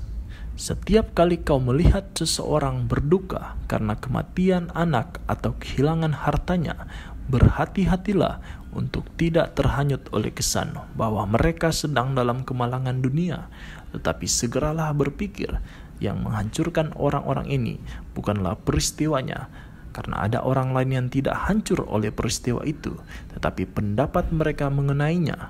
Namun, jangan ragu untuk bersimpati terhadap mereka lewat kata-kata dan bahkan mungkin ikut mengesah bersama mereka, tetapi berhati-hatilah untuk tidak mengeluh dalam batinmu juga. 17. Ingatlah bahwa kau adalah aktor dalam sebuah pertunjukan pertunjukan yang berlangsung persis sesuai keinginan sutradara Pertunjukan itu singkat jika itu keinginannya atau panjang jika dia menginginkan panjang. Jika dia ingin kau berperan sebagai pengemis, pastikan kau memerankannya dengan piawai. Begitu juga jika peranmu adalah orang pincang atau pejabat atau orang biasa, tugasmu adalah menyuguhkan penampilan yang luar biasa dengan peran yang diberikan kepadamu, tetapi memilih peran merupakan tugas orang lain. 18. Setiap kali seekor gagak mengauk seram, jangan biarkan kesan itu menghanyutkanmu, tetapi segera nyatakan kepada dirimu dan katakan, "Semua ini bukan peringatan bagiku, ini hanya menyangkut tubuhku yang lemah, atau tanahku yang sempit, atau reputasiku yang remeh, atau istriku, atau anak-anakku. Tetapi bagiku sendiri, semua ramalan adalah baik jika aku berharap begitu, karena tergantung padaku untuk menarik manfaat dari hasilnya, seperti apa pun itu. 19. Kau bisa selalu menang jika kau hanya mengikuti kompetisi yang kemenangannya tergantung padamu ketika kau melihat seseorang dihormati lebih daripadamu, atau dengan kata lain memiliki kekuasaan lebih besar atau sangat terpandang, berhati-hatilah untuk tidak pernah terhanyut oleh kesan itu dan menilai orang itu berbahagia. Karena jika hakikat kebaikan adalah hal yang tergantung pada kita, maka tidak ada ruang untuk iri atau dengki, dan kau sendiri tidak akan mau menjadi prateor atau senator atau konsul, tetapi ingin bebas. Satu-satunya cara untuk mencapai ini adalah dengan tidak menganggap penting sesuatu yang tidak tergantung pada kita. 20. Camkan di benakmu bahwa yang menyakitimu bukanlah orang yang kasar atau agresif, tetapi pendapatmu bahwa mereka menyakitimu jadi, setiap kali seseorang menghasutmu, sadarilah bahwa hasutan itu sesungguhnya berasal dari penilaianmu sendiri. Maka, mulailah dengan berusaha untuk tidak terhanyut oleh kesan itu. Begitu kau mengambil jedah dan memberi waktu kepada dirimu sendiri, kau akan lebih mudah mengendalikan diri. 21 setiap hari di depan matamu, bayangkan kematian dan pengasingan dan segala hal lain yang tampak mengerikan, terutama kematian. Maka kau tidak akan pernah memiliki pikiran jahat atau terlalu tertarik pada sesuatu. 22.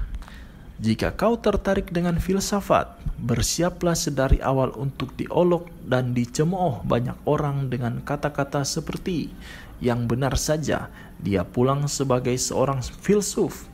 Dan dari mana dia dapat tampang hebat itu?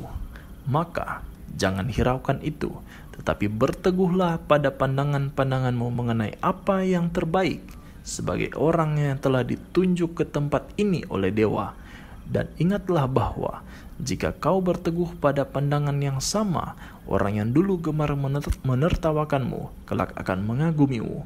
Tetapi jika kau melenceng dari pandangan-pandangan itu, kau akan menjadi bahan olokan untuk kedua kali. 23. Jika kau pernah mendapati dirimu mencari persetujuan dari luar agar bisa mengumpak, bisa dipastikan kau telah tersesat, maka Berpuaslah dengan hanya menjadi filsuf, dan jika kau ingin orang juga menganggapmu seperti itu, tampillah seperti itu, dan itu sudah cukup. 24. Jangan biarkan dirimu khawatir karena berpikir, hidupku tidak akan terhormat, dan aku bukanlah siapa-siapa di mana saja. Jika tidak terhormat merupakan sesuatu yang buruk, seperti yang terjadi, Tak seorang pun kecuali dirimu bisa bertanggung jawab. Demikian juga tak ada yang bisa menempatkanmu dalam posisi memalukan. Kau tidak benar-benar berpikir bahwa mendapat jabatan atau diundang ke sebuah perjamuan tugasmu kan? Tentu saja tidak. Maka, bagaimana mungkin hal itu masih disebut kurang terhormat? Dan bagaimana kau akan menjadi bukan siapa-siapa di mana saja karena kau perlu menjadi seseorang hanya dalam hal yang tergantung padamu, dan dalam hal-hal itu kau bisa menjadi yang terkemuka. Tetapi teman-temanmu tidak akan mendapatkan dukungan. Apa maksudmu dengan tidak mendapat dukungan? Mereka tidak akan mendapatkan uang darimu, dan kau tidak akan menjadikan mereka warga negara Romawi tetapi siapa yang mengatakan kepadamu bahwa hal itu adalah bergantung pada kita dan bukan urusan orang lain? Siapa yang bisa memberi sesuatu yang tidak dimilikinya kepada orang lain? Maka Carilah uang, kata seseorang, agar kita bisa mendapatkannya juga. Jika aku bisa mendapatkan uang dan tetap mempertahankan kehormatan, integritas, dan prinsip-prinsip moralku, tunjukkan jalannya kepadaku, maka aku akan berusaha mendapatkannya. Tetapi jika kau memintaku untuk kehilangan hal-hal baik milikku hanya agar kau bisa mendapatkan hal-hal yang tidak baik, kau bisa melihat betapa tidak adilnya dirimu dan betapa egoisnya. Kau lebih memilih apa? Uang atau teman, terpercaya dan terhormat? Lebih baik bantu aku mempertahankan watak ini dan jangan memintaku melakukan hal yang akan membuatku kehilangan itu. Tetapi negaraku, kata seseorang, tidak akan mendapat dukungan yang seharusnya bisa kuberikan. Kuulangi pertanyaan mengenai dukungan apa yang ada dalam pikiranmu. Negaramu tidak akan punya deretan pilar atau permandian umum karenamu. Tetapi apa artinya itu? Negara tidak punya sepatu gara-gara pandai besi, atau tidak punya senjata gara-gara tukang sepatu. Cukuplah jika setiap orang melakukan pekerjaan masing-masing, dan jika kau menyediakan bagi negaramu satu lagi warga negara terpercaya dan terhormat, bukankah kau memberikan manfaat kepadanya? Ya, benar. Jadi, dirimu sendiri bukannya tidak memberikan manfaat bagi komunitasmu. Kalau begitu, kedudukan apa yang bisa kuperankan? kedudukan apa pun yang kau bisa miliki dan masih mempertahankan watak terpercaya dan terhormatmu. Tetapi jika kau kehilangan watak itu karena ingin bermanfaat bagi negaramu dan kau berakhir sebagai orang yang tidak terhormat dan tidak terpercaya, manfaat apa yang kau bisa berikan? 25.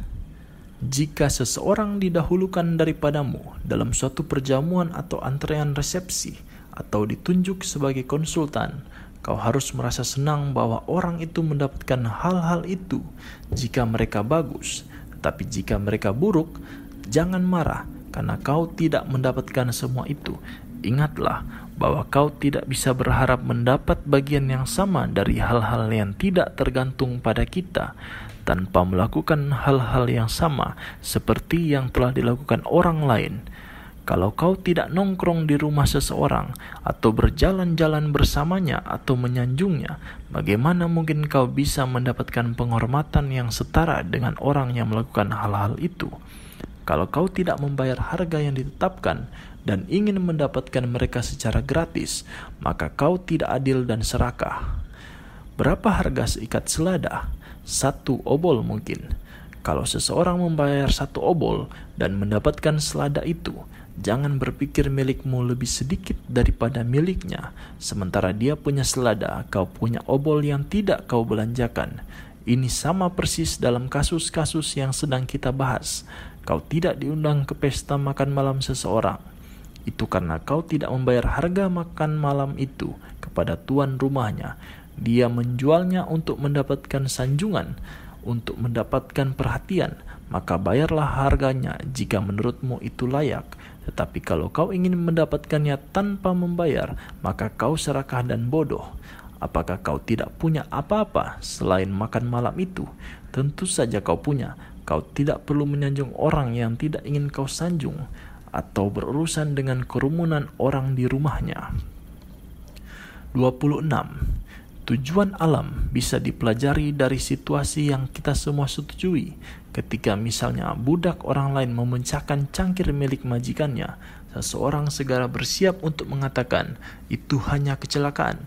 Jadi, ketika cangkirmu sendiri pecah, terimalah bahwa kau harus bersikap persis seperti yang kau lakukan ketika itu terjadi pada cangkir orang lain.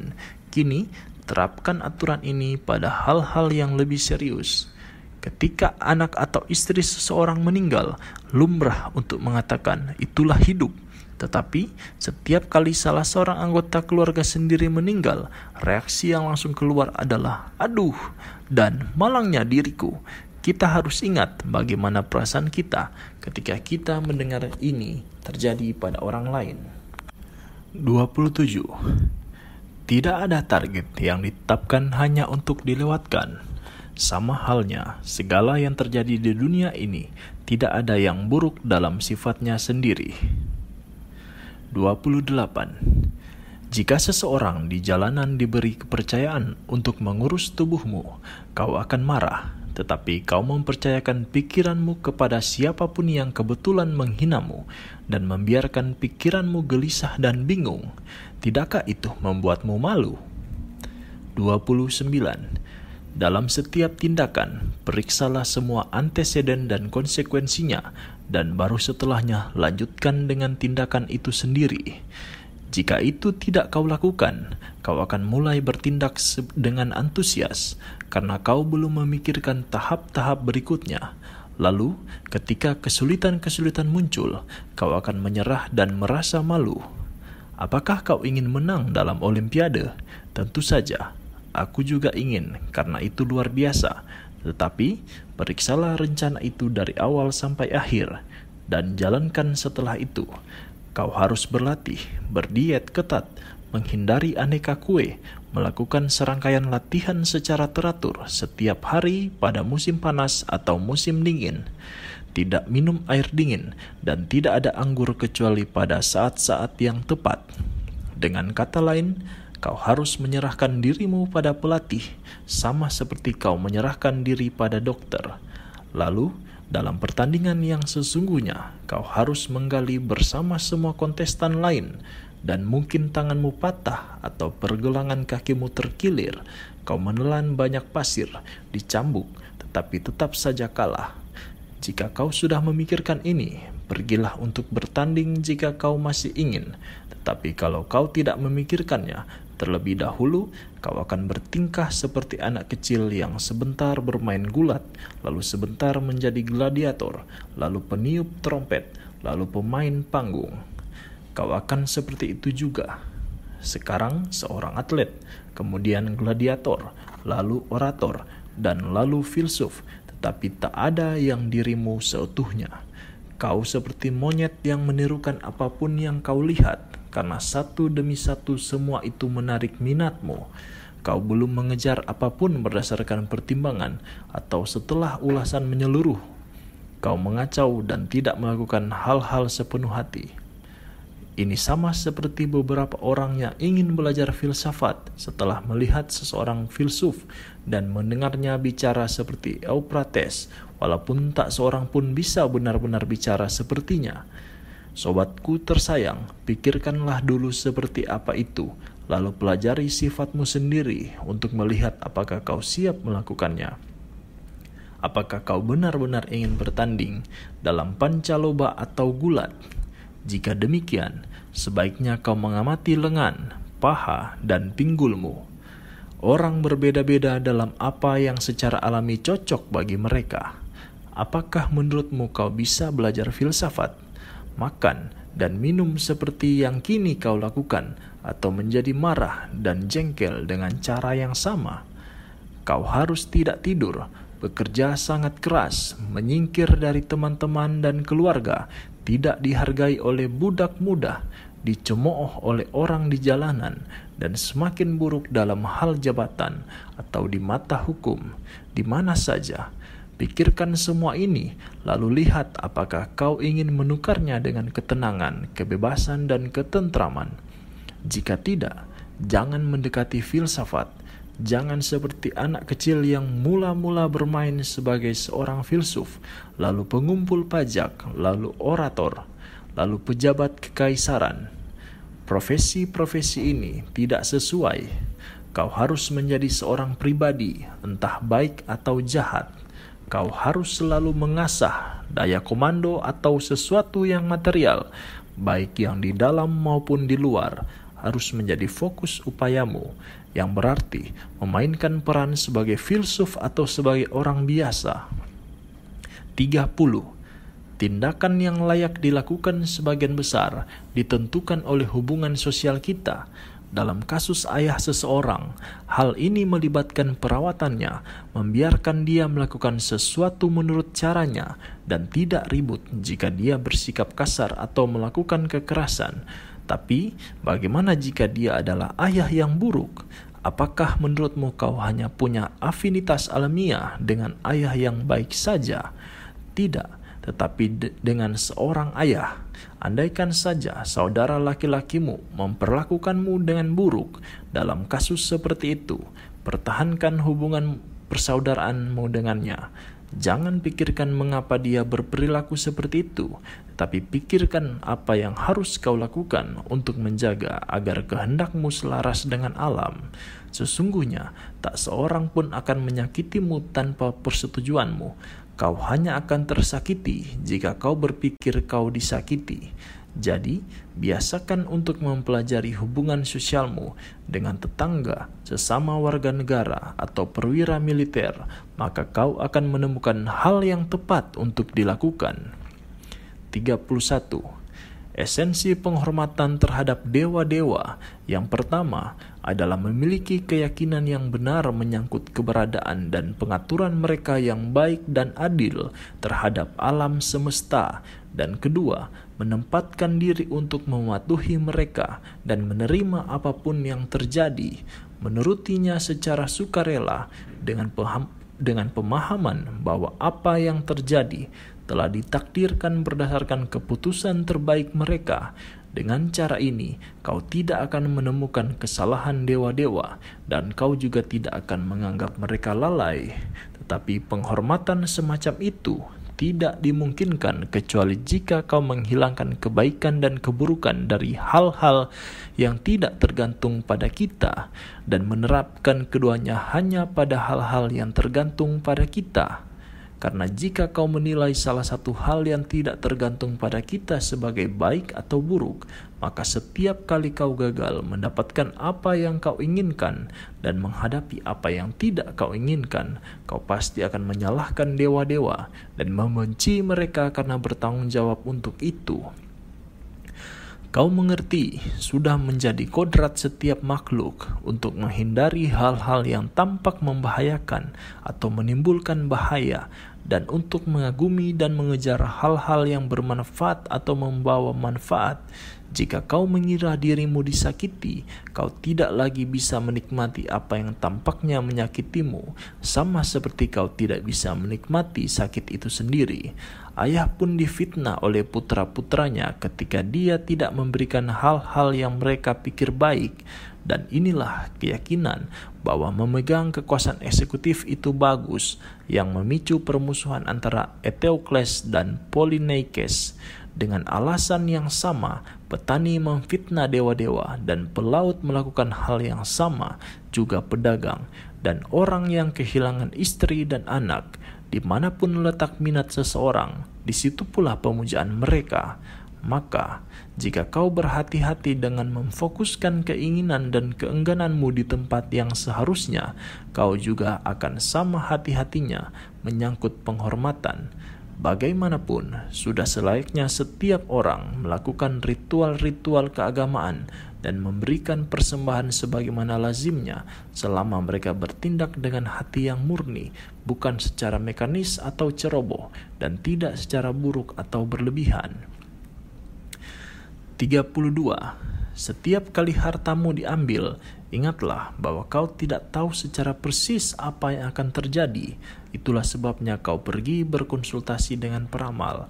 Tetapi jika kau benar-benar seorang filsuf, kau sudah tahu hal macam apa itu. Karena jika itu salah satu hal yang tidak tergantung pada kita, maka itu pasti secara mutlak tidak baik ataupun tidak buruk. Jadi, jangan memproyeksikan keinginan atau keenggananmu pada peramal itu.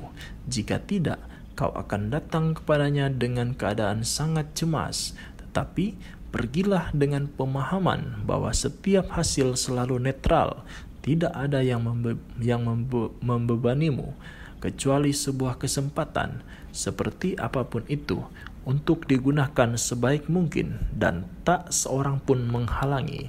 Maka temuilah dewa-dewa sebagai penasihatmu dan pergilah dengan penuh keyakinan dan selanjutnya ketika kau telah mendapatkan nasihat tertentu ingatlah siapa yang kau anggap sebagai penasihatmu dan siapa yang akan kau abaikan jika kau tidak mematuhinya.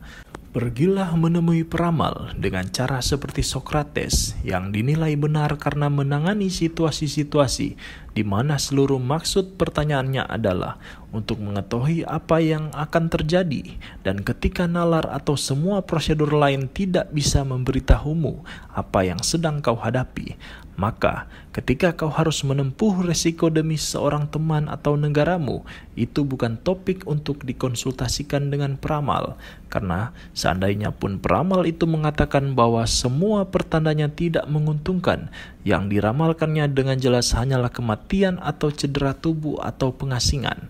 Tetapi nalar mensyaratkan bahwa bahkan dalam keadaan-keadaan ini kau harus mendukung temanmu dan menempuh resiko demi negaramu.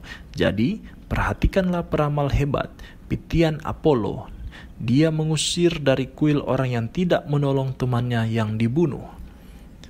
33 Tetapkanlah sekarang karakter dan identitas yang jelas untuk dirimu sendiri yang hendak kau pertahankan, tak peduli kau sedang sendirian atau bersama orang lain. Sebisa mungkin, tetaplah diam atau jaga percakapan, percakapanmu seperlunya saja, tetapi pada kesempatan langka, ketika situasi memerlukan, terlibatlah dalam percakapan tetapi bukan mengenai topik-topik remeh seperti gladiator atau pacuan kuda atau atlet atau makanan atau minuman, hal-hal yang selalu muncul dalam percakapan dan terutama jangan mengkritik atau menyanjung atau menilai orang lewat percakapanmu sendiri. Jika kau bisa, tuntun percakapan teman-temanmu ke arah yang pas tetapi jika kau mendapati dirimu sendirian di antara orang-orang asing, tetaplah diam. Jangan terlalu banyak atau sering tertawa dan tetap terkendali. Tolaklah untuk bersumpah, atau jika itu mustahil, tolak sebisamu. Izinkanlah dirimu untuk tidak menghadiri jamuan makan malam yang diselenggarakan oleh orang-orang di luar lingkaranmu. Tetapi kalau kau harus hadir, sangat berhati-hatilah agar tidak tergelincir mengikuti cara-cara mereka. Kekasaran seorang teman pasti menlari orang yang sedang bersamanya, tak peduli betapa santunnya orang itu dalam hal-hal yang berkaitan dengan tubuh, makanan, minuman, pakaian, rumah, dan pelayan, Ambil yang kau perlukan saja dan tinggalkan semua yang hanya untuk pamer atau kemewahan. Sedangkan menyangkut seks, sebisa mungkin pantanglah sebelum menikah, dan jika kau tetap melakukannya, jangan lakukan yang tidak bisa diterima masyarakat, tetapi jangan mencampuri kehidupan seks orang lain atau mengkritik mereka, dan jangan mengumumkan per pertarakanmu. Jika kau diberitahu bahwa seseorang berbicara buruk mengenaimu, tak perlu membela diri terhadap cerita itu, tetapi jawab saja, jelaslah dia tidak tahu kesalahanku yang lain, atau bisa jadi dia bakal menyebutkannya juga. Kau tidak perlu tampil berlebihan dalam pertandingan umum, tetapi jika itu diperlukan, jangan biarkan orang melihatmu mendukung salah satu pihak, kecuali pihakmu sendiri. Maksudku, kau harus menginginkan hasilnya persis seperti apa yang terjadi, dan pemenangnya adalah si pemenang. Dengan cara ini, kau tidak akan kecewa. Tahan dirimu sepenuhnya untuk tidak meneriaki atau menertawakan siapa saja, atau menjadi sangat terlibat setelah pergi, batasi ceritamu mengenai peristiwa itu pada pengalaman-pengalaman yang menyangkut perkembangan dirimu sendiri. Jika tidak, orang akan mengira bahwa kau terkesan oleh pertunjukan itu. Jangan datang dengan sambil lalu atau datang dengan kepala kosong ke ceramah umum, tetapi ketika kau memang menghadirinya, berperilakulah dengan santun, serius, dan tidak membuat onar. Setiap kali kau pergi menemui seseorang, terutama orang yang dianggap penting, tanyalah dirimu sendiri apa yang akan dilakukan Socrates atau Seno dalam keadaan ini. Lalu kau tidak akan mengalami kesulitan dalam menangani situasi itu secara tepat. Dan ketika kau menghadap seorang pejabat tinggi, bayangkan kau tidak mendapati dia di rumahnya, bahwa kau tidak dibukakan pintu, bahwa pintu itu dibanting menutup di hadapanmu, dan bahwa dia mengabaikanmu. Tetapi kendati semua itu, kau tetap harus pergi. Terima saja itu dan pergilah tanpa membatin. Ini sama sekali tidak pantas dilakukan. Itulah yang dilakukan orang-orang biasa yang marah hanya karena keadaan. Jika sedang bersama orang lain, jangan bicara panjang lebar mengenai yang kau lakukan atau petualanganmu sendiri mungkin menyenangkan bagimu untuk menceritakannya kembali, tetapi orang lain kurang antusias mendengar apa yang terjadi padamu, dan jangan mencoba untuk melucu. Itu bisa dengan mudah terjerumus ke dalam ketidaksopanan, dan juga bisa membuat tetanggamu berpikir kurang baik mengenaimu. Berhati-hatilah jugalah untuk tidak memancing pembicaraan cabul jika dan ketika hal semacam itu terjadi, tegurlah orang yang memulainya jika kau bisa menemukan momen yang tepat, dan jika tidak, tunjukkan ketidaksukaanmu terhadap pembicaraan itu dengan tetap diam, tersipu, dan mengernyit. 34. Setiap kali kesan kenikmatan tertentu terbesit di benakmu, jagalah dirimu agar tidak terhanyut olehnya, sebagaimana yang harus kau lakukan terhadap semua kesan secara umum. Biarkan kesan itu menunggu sebentar dan beri dirimu jeda Lalu pikirkan dua saat berikut ini. Yang pertama adalah ketika kau hendak meneguk kenikmatan itu. Lalu yang kedua adalah saat setelahnya ketika kau menyesal dan marah terhadap dirimu sendiri. Kini, bandingkan dua momen itu dengan sukacita dan rasa puas diri yang kau dapat. Jika kau bisa menghindarinya, akan tetapi seandainya kau merasa itu adalah momen yang tepat untuk merasakannya, berhati-hatilah agar kau tidak dikuasai oleh pesona, kemanisan, dan daya pikatnya. Pikir, pikirkan betapa akan terasa jauh lebih baik menyadari bahwa kau telah meraih kemenangan ini.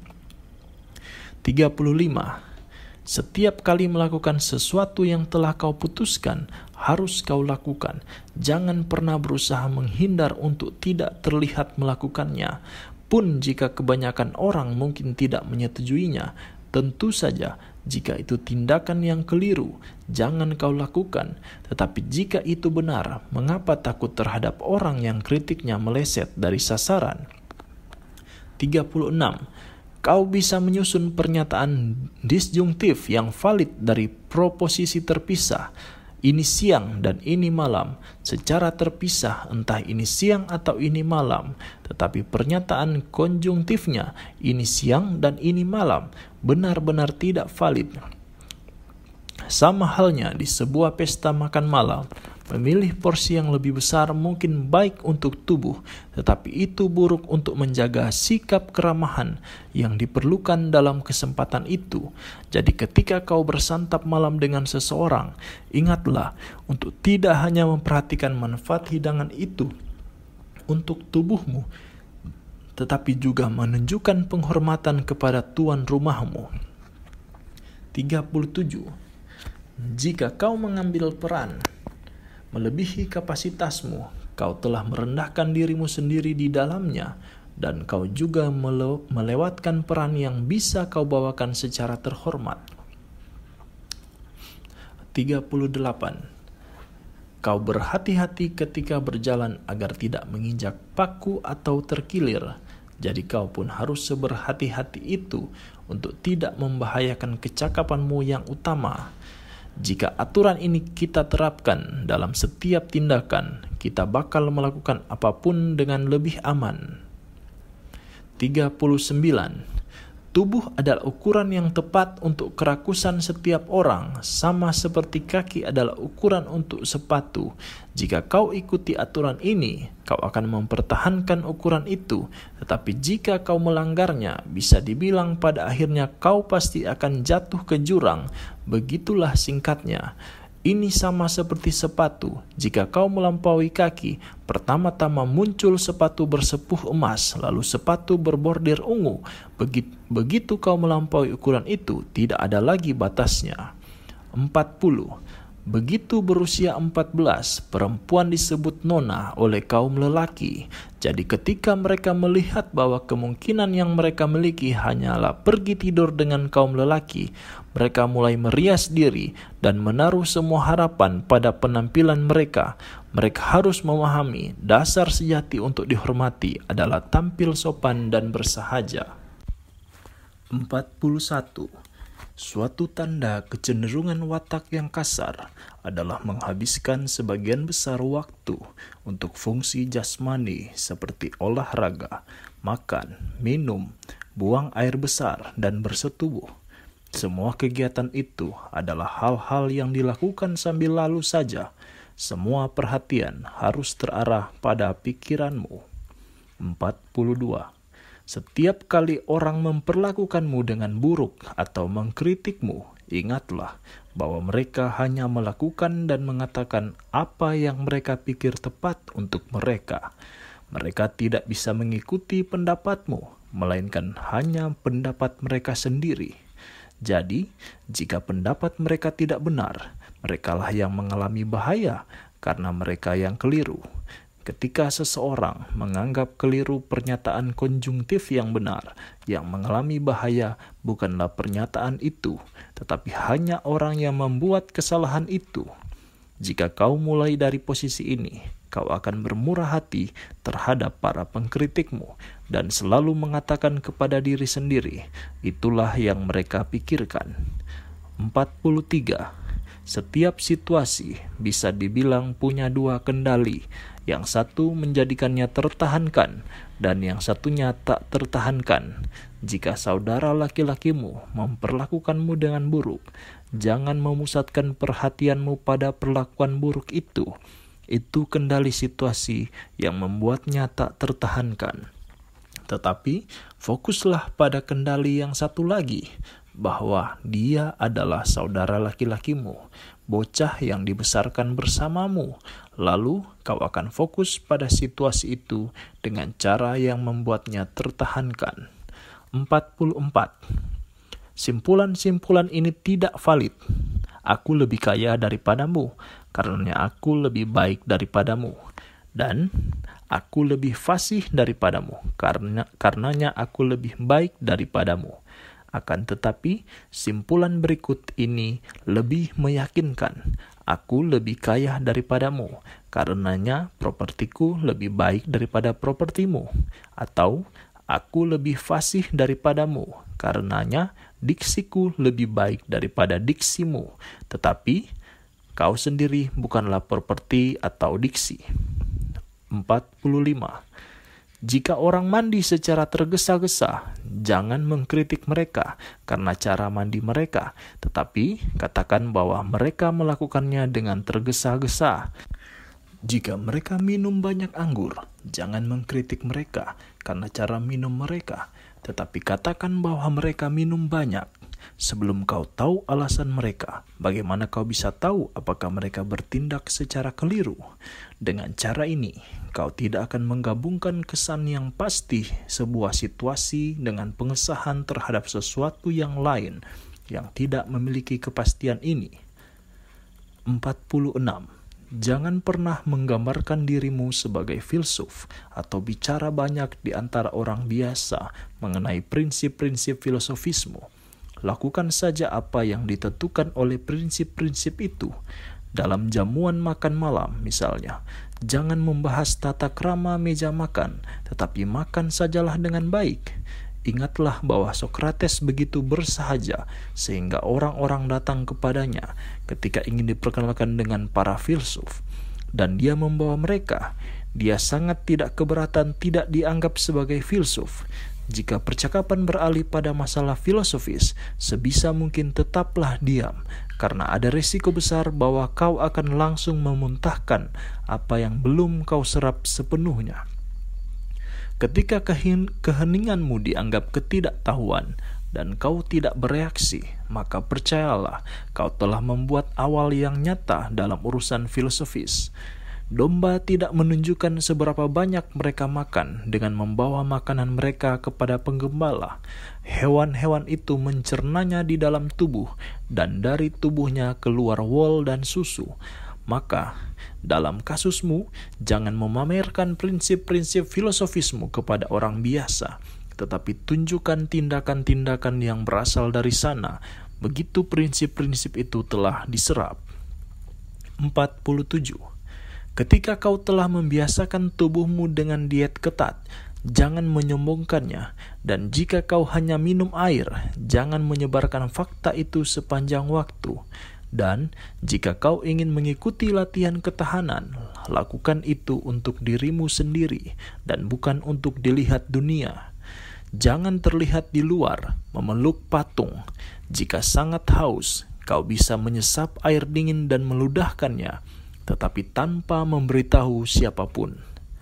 48 Sikap dan ciri khas orang biasa adalah tak pernah mencari bantuan atau bahaya dari diri mereka sendiri, tetapi hanya dari hal-hal yang ada di luar.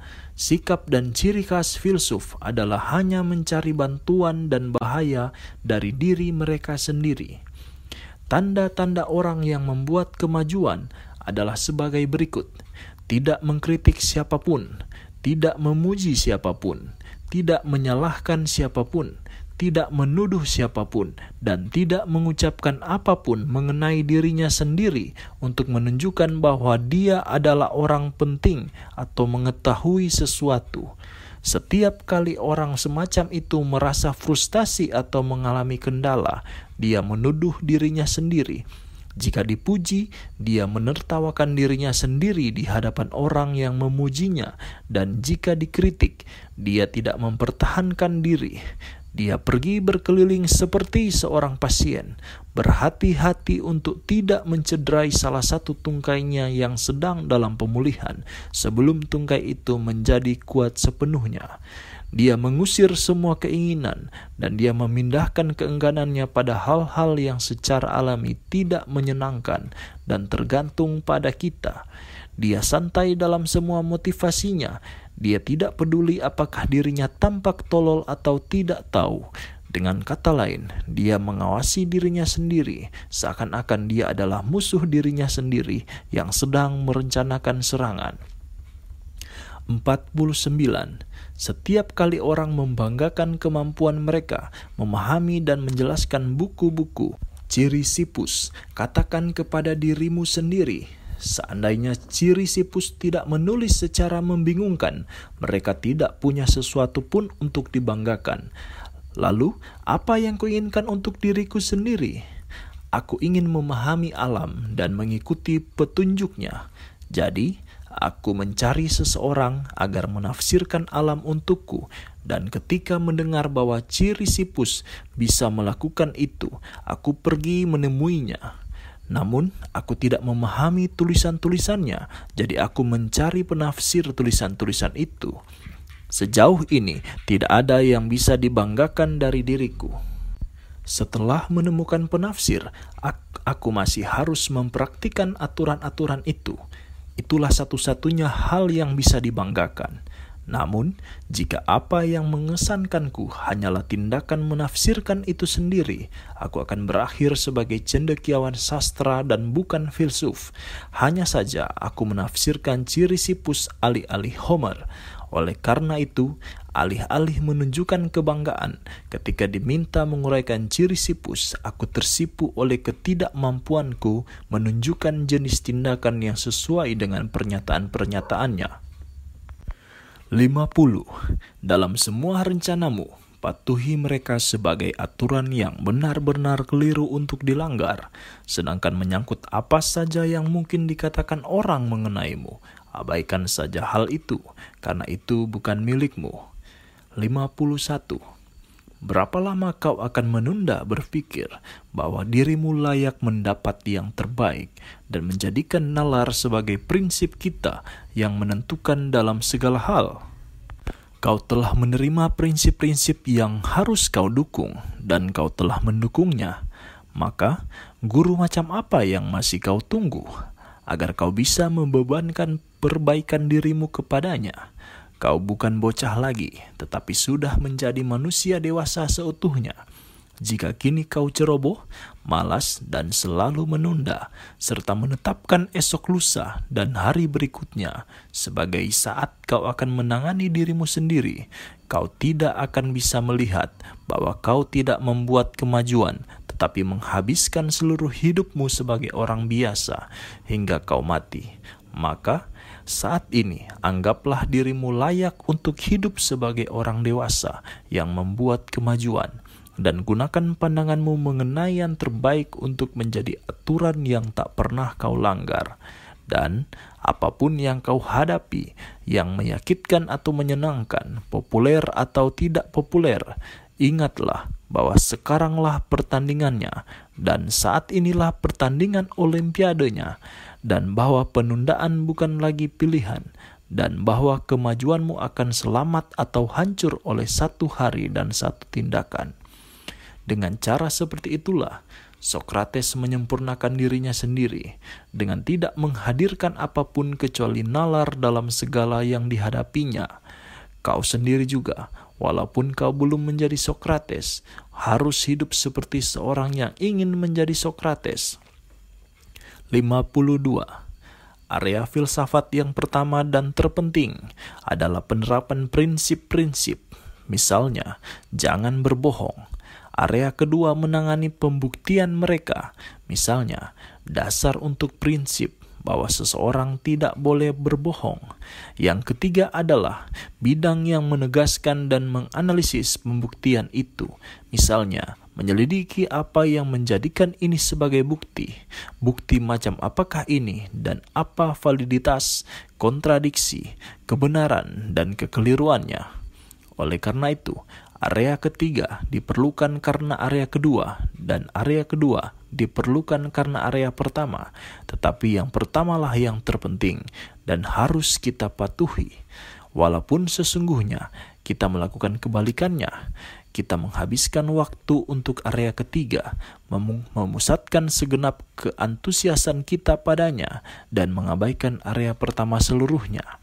Hasilnya adalah kita mengucapkan kebohongan pada saat kita siap untuk mengemukakan bukti-bukti bahwa kita tidak boleh berbohong. 53. Dalam setiap kesempatan, kita harus memegang kutipan-kutipan berikut ini. Bimbing aku, Oseus, dan engkau, O takdir.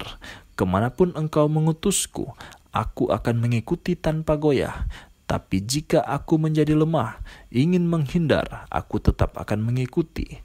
Siapa pun yang mematuhi dengan mulia dan setia, kita anggap bijak dan mengetahui segala yang ilahi. Ah, Krito, jika kematianku menyenangkan dewa-dewa, maka terjadilah. Anitus dan Meletus, orang-orang Athena penuntut Sokrates, bisa membunuhku, tetapi mereka tidak bisa menyakitiku. Dari Diskurs Bagian ini adalah terjemahan sembilan kutipan yang diambil dari tiga di antara empat buku ajaran Epictetus, Discourse, yang masih bertahan. Buku-buku ini seluruhnya terdiri dari hampir seratus lema yang panjangnya beragam antara sekitar dua puluhan halaman. Buku sekarang hingga kurang dari satu halaman. Lema terpanjang, tempat saya mengambil kutipan nomor tiga dan empat, diberi judul sederhana – ihwal kebebasan. Arian atau penyunting selanjutnya juga menggunakan judul ini. Walaupun ini judul yang pas, topik kebebasan ada di mana-mana di sepanjang diskurs. Sama seperti dalam Enchiridion, saya memberi judul masing-masing kutipan di sini untuk menunjukkan perlakuan Epictetus yang beraneka ragam terhadap tema favoritnya.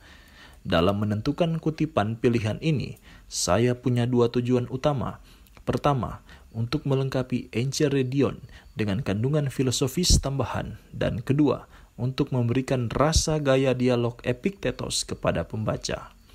Untuk menikmati Epictetus secara mendalam, diskurs tak tergantikan, tetapi Arian melakukan pekerjaan yang sama baiknya dalam membuat panduan ringkas Enchiridion berdasarkan buku-buku itu. Sebagai buku klasik kecil, anda bisa membawanya ke mana-mana, dan jika Anda seperti saya, Anda akan menganggap pesan-pesannya yang menjengkelkan di dalamnya terasa provokatif, menyegarkan, dan bahkan menghibur. 1. Belajar menghasrati segala sesuatu sebagaimana adanya. Orang yang sedang menempuh pendidikan seharusnya melalui proses itu dengan tujuan berikut ini Bagaimana aku bisa mengikuti dewa-dewa dalam segalanya? Bagaimana aku bisa puas dengan pengaturan ilahi? Dan bagaimana aku bisa menjadi bebas? Oh, kau bebas jika yang terjadi tak satu pun bertentangan dengan kehendakmu, dan jika tak seorang pun bisa menghalangimu. Apa artinya itu? Apakah kau hendak mengatakan bahwa kebebasan adalah kegilaan? Tentu saja tidak. Kebebasan dan kegilaan tidak bisa berjalan bersama, tapi Aku ingin setiap keinginanku terkabul, sesinting apa pun itu tampaknya. Kau benar-benar gila, kau meracau. Tidakkah kau tahu bahwa kebebasan adalah sesuatu yang baik dan mengagumkan? Sebegitu semaunya dengan keinginan sendiri, sampai menginginkan setiap hasratmu terpenuhi, sama saja dengan kebalikan dari baik, benar-benar memalukan malah. Coba renungkan bagaimana kita menata huruf Apakah aku ingin menulis nama Dio dengan sembarang cara yang kusuka? Tidak, aku diajarkan untuk menyukai bagaimana nama itu seharusnya ditulis. Bagaimana dengan musik? Sama persis. Dan begitu juga umumnya setiap kali menyangkut keterampilan atau ke keahlian tertentu. Jika tidak, jika pengetahuan disesuaikan dengan keinginan tiap-tiap orang, maka tidak akan ada gunanya mempelajari apa pun kalau begitu, apakah hanya di sini, di dalam sesuatu yang terbesar dan terpenting itu, yaitu kebebasan aku diperbolehkan punya keinginan sesukaku?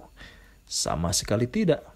Persis karena pendidikan adalah belajar, menginginkan agar segala sesuatu sebagaimana itu terjadi. Dan bagaimana itu terjadi? Menurut pengaturan dia yang telah mengaturnya, dia telah mengatur ada musim panas dan musim dingin, kelimpahan dan paceklik, kebajikan dan kejahatan, dan semua yang berlawanan demi keselarasan alam semesta. Dan dia telah memberi kita masing-masing sebuah tubuh, bagian-bagian tubuh dan harta serta sesama manusia. Sesudah menyadari pengaturan ini, kita harus kembali kepada pendidikan, bukan untuk mengubah keadaan, karena hal itu tidak dianugerahkan kepada kita dan juga tidak akan lebih baik, tetapi agar dengan segala yang ada di sekitar kita, sebagaimana adanya dan sebagaimana kodrat mereka, kita bisa menata pikiran kita tetap selaras dengan apa yang terjadi. Kalau begitu, katakan kepadaku, mungkinkah untuk menghindari orang? Bagaimana mungkin itu terjadi? Tapi mungkinkah mengubah mereka dengan menjadi bagian dari mereka? Siapa yang memberi kita pilihan itu? Apalagi yang ada di sana kalau begitu, dan sumber daya apa yang bisa kita dapatkan untuk berurusan dengan mereka? Sumber daya yang dengannya mereka akan melakukan apa yang tampak baik untuk mereka, tetapi kita tentu juga harus selaras dengan alam. Meskipun demikian, kau tidak bahagia dan merasa kurang puas. Kalau sendirian, kau menyebutnya pengucilan, tetapi kalau sedang bersama, kau memanggil orang-orang itu penipu dan perampok. Kau bahkan mencari-cari kesalahan orang tua, anak-anak, saudara, dan tetanggamu. Tetapi ketika sendiri, kau harus menyebutnya kedamaian dan kebebasan dan menyamakan dirimu dengan dewa-dewa. Dan ketika kau sedang dalam kelompok, janganlah kau menyebutnya kerumunan, gerombolan, dan ketidaknyamanan, tetapi sebuah pesta dan festival, dan dengan demikian menerima segalanya dengan riang. Kalau begitu, apa hukuman bagi mereka yang tidak mau menerima?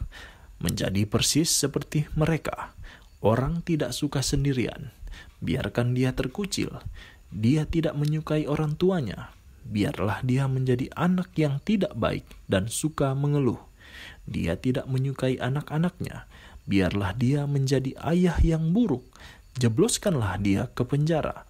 Penjara apa? Maksudmu, tempatnya yang sekarang, karena dia di sana itu bertentangan dengan kehendaknya, dan di mana pun seseorang berada selama itu bertentangan dengan kehendaknya, maka dia berada dalam penjara. Begitulah Sokrates tidak berada di penjara karena dia di sana secara sukarela. 2. Kebebasan dari tekanan emosional. Apakah buah dari doktrin-doktrin stoik ini? Sesuatu yang haruslah terbaik dan hasil paling tepat untuk orang yang memperoleh pendidikan sejati, ketentraman, keberanian, dan kebebasan Karena untuk perkara-perkara ini, kita tidak boleh mempercayai banyak orang yang mengatakan bahwa pendidikan hanya tersedia bagi orang yang bebas, tetapi mempercayai para filsuf yang mengatakan bahwa hanya orang berpendidikan yang bebas. Apa maksudnya itu? Ya, tanyalah pada dirimu sendiri tentang kebebasan pada masa kita ini. Bukankah kebebasan jelas terkandung dalam daya untuk hidup sesuai kehendak kita? Benar sekali. Kalau begitu, katakan apakah kalian ingin hidup dalam kesesatan? Kami tidak ingin. Itu benar. Tak seorang pun bebas jika hidup dalam kesesatan. Apakah kalian ingin hidup dalam ketakutan, penderitaan, dan kekecauan? Jelas tidak. Jadi, tak seorang pun bebas jika berada dalam ketakutan atau penderitaan atau kekacauan, tetapi orang yang dibebaskan dari penderitaan, ketakutan, dan kekacauan juga dibebaskan dari perbudakan lewat proses yang sama persis. 3. Kebebasan dari perbudakan. Apakah menurutmu kebebasan adalah sesuatu yang agung, mulia, dan berharga? Tentu saja. Mungkinkah kau akan tunduk jika mendapat hal yang agung, mulia, dan berharga? Tentu saja. Mungkinkah kau akan tunduk jika mendapat hal yang agung, berharga, dan mulia semacam itu? Tidak. Jadi, setiap kali melihat seseorang merendahkan atau menyanjung orang lain dengan tidak tulus, kau bisa dengan yakin mengatakan bahwa orang ini juga tidak bebas, dan bukan hanya jika dia melakukan itu demi mendapatkan sedikit makanan, tetapi bahkan jika dia berharap mendapatkan jabatan gubernur atau konsul. Sebutlah orang yang bertindak untuk hal-hal kecil seperti itu sebagai budak kecil, dan sebut yang satu lagi selayaknya mereka sebagai budak dalam skala besar. Kau benar lagi. Apakah menurutmu kebebasan adalah sesuatu yang berada dalam kekuasaan orang itu sendiri dan ditentukan oleh orang itu sendiri? Tentu saja maka kau bisa dengan yakin mengatakan bahwa tak seorang pun bebas jika orang lain punya kekuasaan untuk menghalangi dan memaksanya. Dan jangan pertimbangkan silsilah keluarganya atau memeriksa apakah dia pernah dibeli atau dijual. Tetapi jika kau mendengarnya berkata, "Ya, Pak," kepada diri sendiri dan dengan penuh perasaan, sebutlah dia budak walaupun dia diiringi oleh serombongan pengawal konsul. Dan jika kau mendengarnya berkata, Diriku yang malang, betapa banyak yang kuderita, sebutlah dia budak. Singkatnya, jika kau melihatnya meratap, mengeluh dan tidak bahagia, sebutlah dia budak dalam pakaian resmi. Namun, jika dia tidak melakukan hal-hal itu, jangan sebut dia bebas terlebih dulu, tetapi selidiki penilaian-penilaiannya untuk melihat apakah ada yang tunduk pada paksaan atau halangan atau ketidakbahagiaan. Dan jika kau mendapatinya sebagai orang semacam itu, sebutlah dia budak yang sedang berlibur di Saturnalia dan katakan bahwa majikannya sedang pergi majikannya akan segera kembali, lalu kau akan tahu seperti apa penderitaan orang ini. Siapa yang akan kembali? Semua orang yang punya wewenang atas apa saja yang diinginkan orang itu, baik untuk mendapatkannya untuk orang itu atau mengambilnya dari orang itu. Kalau begitu, apakah kita punya begitu banyak majikan? Oh ya, sebelum orang kita punya majikan dalam bentuk keadaan, dan ini ada banyak. Maka karena itulah setiap orang yang punya wewenang atas salah satu keadaan kita, pastilah majikan kita. Kau tahu, kaisar sendiri bukan bukanlah apa yang ditakuti orang. Mereka takut pada kematian, pengasingan, pengasingan, penyitaan harta, penjara, kehilangan kewarganegaraan. Sama halnya, tak seorang pun mencintai kaisar itu sendiri, kecuali jika dia kebetulan adalah orang yang luar biasa. Yang kita cintai adalah kekayaan dan kedudukan tinggi dalam pemerintahan atau dinas militer. Setiap kali sesuatu itu adalah segala yang kita cintai dan benci dan takuti, sudah barang tentu siapa pun yang memiliki wewenang atas semua itu adalah majikan kita. 4. Kebebasan untuk menyetujui tanpa halangan. Mungkinkah seseorang yang menghasrati sesuatu yang tergantung pada orang lain tidak menghadapi halangan? Tidak. Mungkinkah mereka tidak memiliki batasan? Tidak. Maka mereka juga tidak bisa bebas. Jadi, coba pikirkan, apakah kita tidak punya apa pun yang hanya tergantung pada kita? Atau apakah semua seperti itu atau sebagian tergantung pada kita dan sebagian lain tergantung pada orang lain. Bagaimana maksudmu?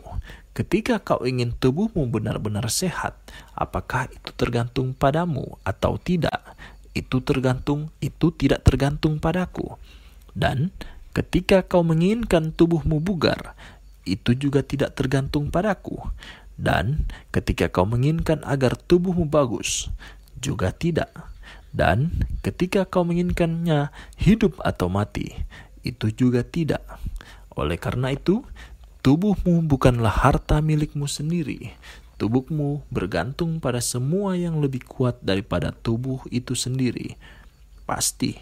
Dan apakah tergantung padamu untuk punya tanah kapan pun kau mau, untuk jangka waktu tertentu seperti yang kau mau, dengan kondisi yang juga kau mau? Tidak dan apakah hal itu juga berlaku untuk budak, pakaian, rumah, dan kuda? Semua itu juga tidak tergantung padaku. Dan seandainya melebihi segalanya, kau ingin istri atau anak-anak, atau saudara atau teman-temanmu tetap hidup, apakah ini hanya tergantung padamu?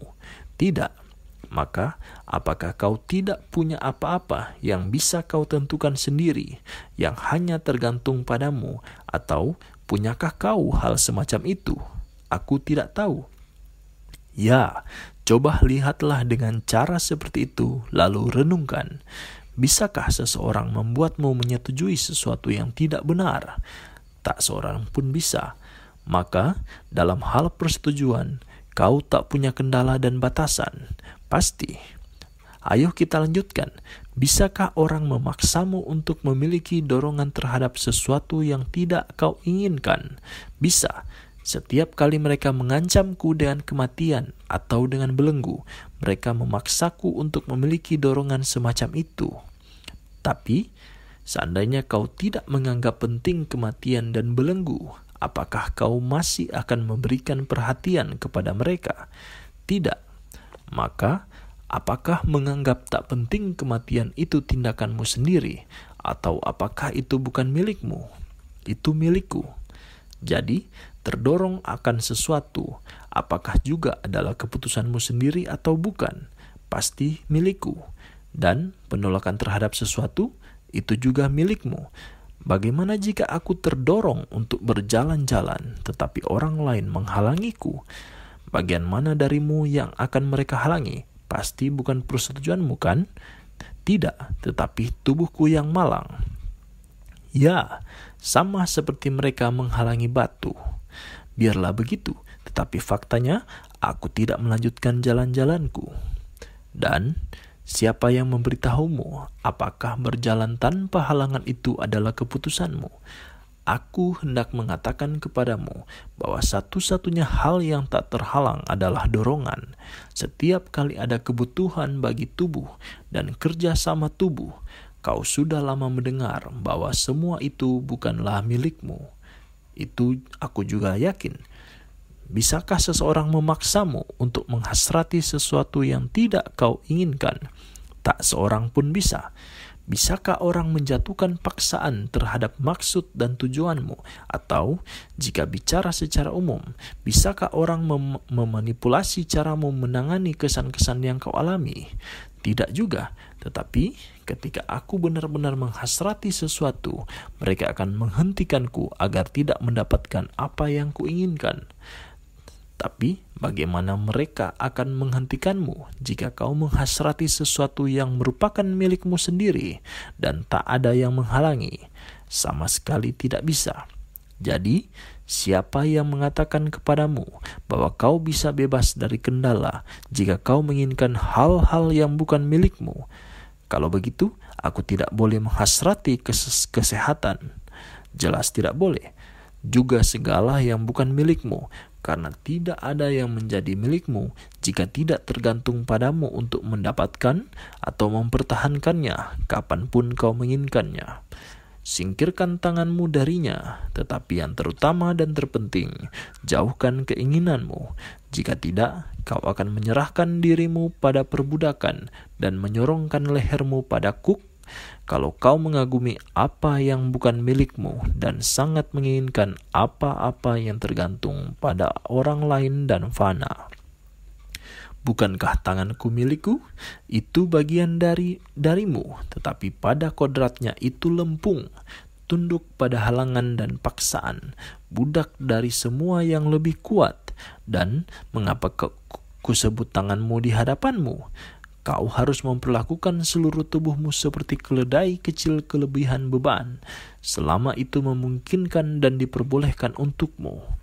Tetapi jika keledai itu dipaksa melayani umum dan seorang tentara merampasnya, biarkan saja dan jangan melawan atau menggerutu. Jika tidak, kau akan dipukul dan tetap saja kehilangan keledai kecilmu, karena sikap inilah yang harus kau miliki terhadap tubuhmu. Coba pertimbangkan apa yang harus kau lakukan sehubungan dengan semua yang didapat seseorang demi tubuh. Karena tubuh adalah keledai kecil, maka semua hal lain adalah tali kekang, pelana, sepatu, gandum, barley, dan jerami untuk keledai itu. Relakan mereka juga, singkirkan mereka lebih cepat dan lebih mudah daripada keledai itu sendiri. 5 tahu apa yang diinginkan. Segala sesuatu di mana pun adalah fana dan rapuh. Jika kau terikat dengan beberapa di antaranya, sekalipun sedikit, kau pasti akan gelisah dan berkecil hati, menjadi mangsa kecemasan dan tertekan. Kau akan memiliki hasrat yang tak terpenuhi dan keengganan yang justru terwujud sepenuhnya maka tidakkah kita bersedia mempertahankan satu-satunya keamanan yang diberikan kepada kita, melupakan hal-hal yang fana dan memperbudak, dan mengupayakan hal-hal yang kekal dan pada dasarnya bebas? Tidakkah kita ingat bahwa tak seorang pun yang memberikan mudarat atau manfaat pada orang lain, tetapi bahwa penyebab kedua hal itu adalah penilaian? Penilaian inilah yang membahayakan dan menghancurkan. Inilah yang disebut pertempuran. Inilah yang disebut perjuangan. Dan inilah yang disebut perang. Yang membuat Eteokles dan Polyneikes menjadi musuh bebuyutan. Seperti itu hanyalah ini. Penilaian mereka menyangkut kerajaan dan penilaian mereka mengenai pengasingan. Mereka menilai yang kedua sebagai yang terburuk di antara yang buruk, sementara yang pertama sebagai yang terbaik dari yang baik.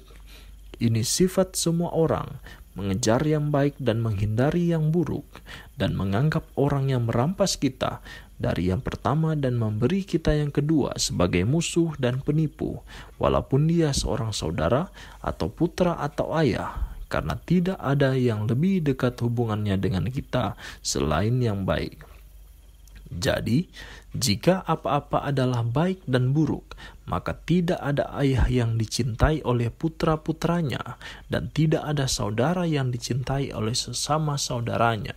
Tetapi semua dipenuhi musuh, penipu, dan mata-mata.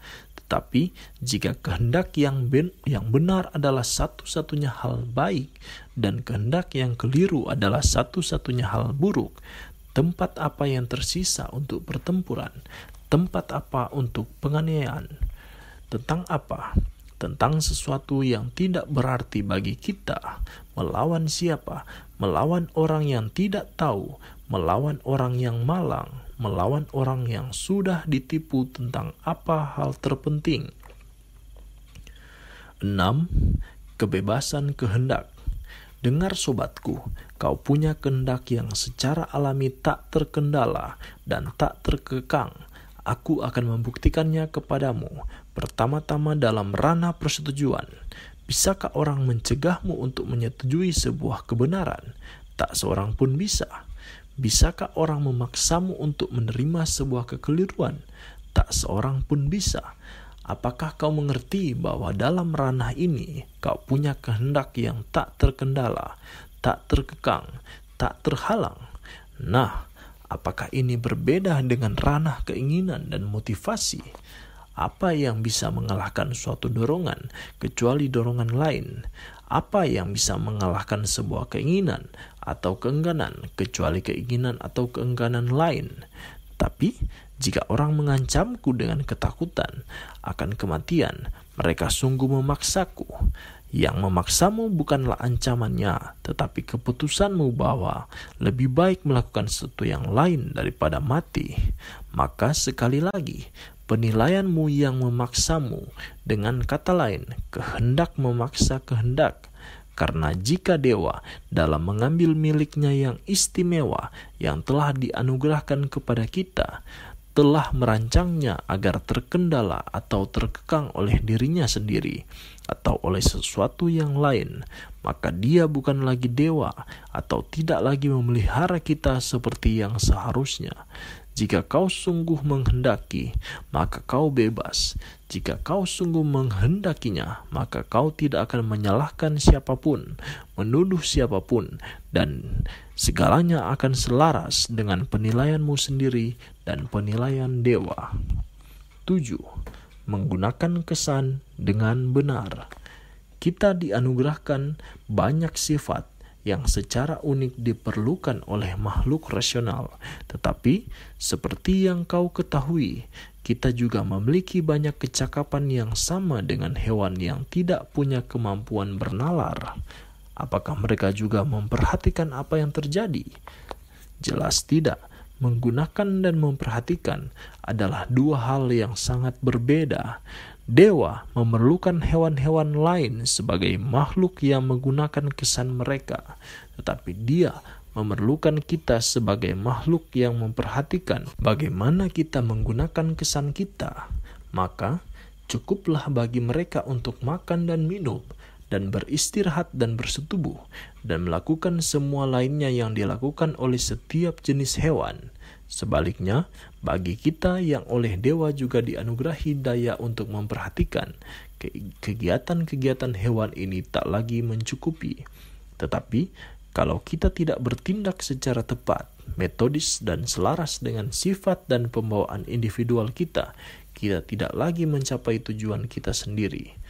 Makhluk yang punya pembawaan berbeda juga punya fungsi dan tujuan berbeda. Bagi mereka yang memiliki pembawaan yang dirancang hanya untuk digunakan, maka penggunaan pembawaan itu sudah mencukupi. Tetapi untuk yang punya daya tambahan untuk memperhatikan, mereka tidak akan pernah mencapai tujuan mereka kecuali jika menggunakan kemampuan ini dengan benar. Kalau begitu, apa konsekuensinya?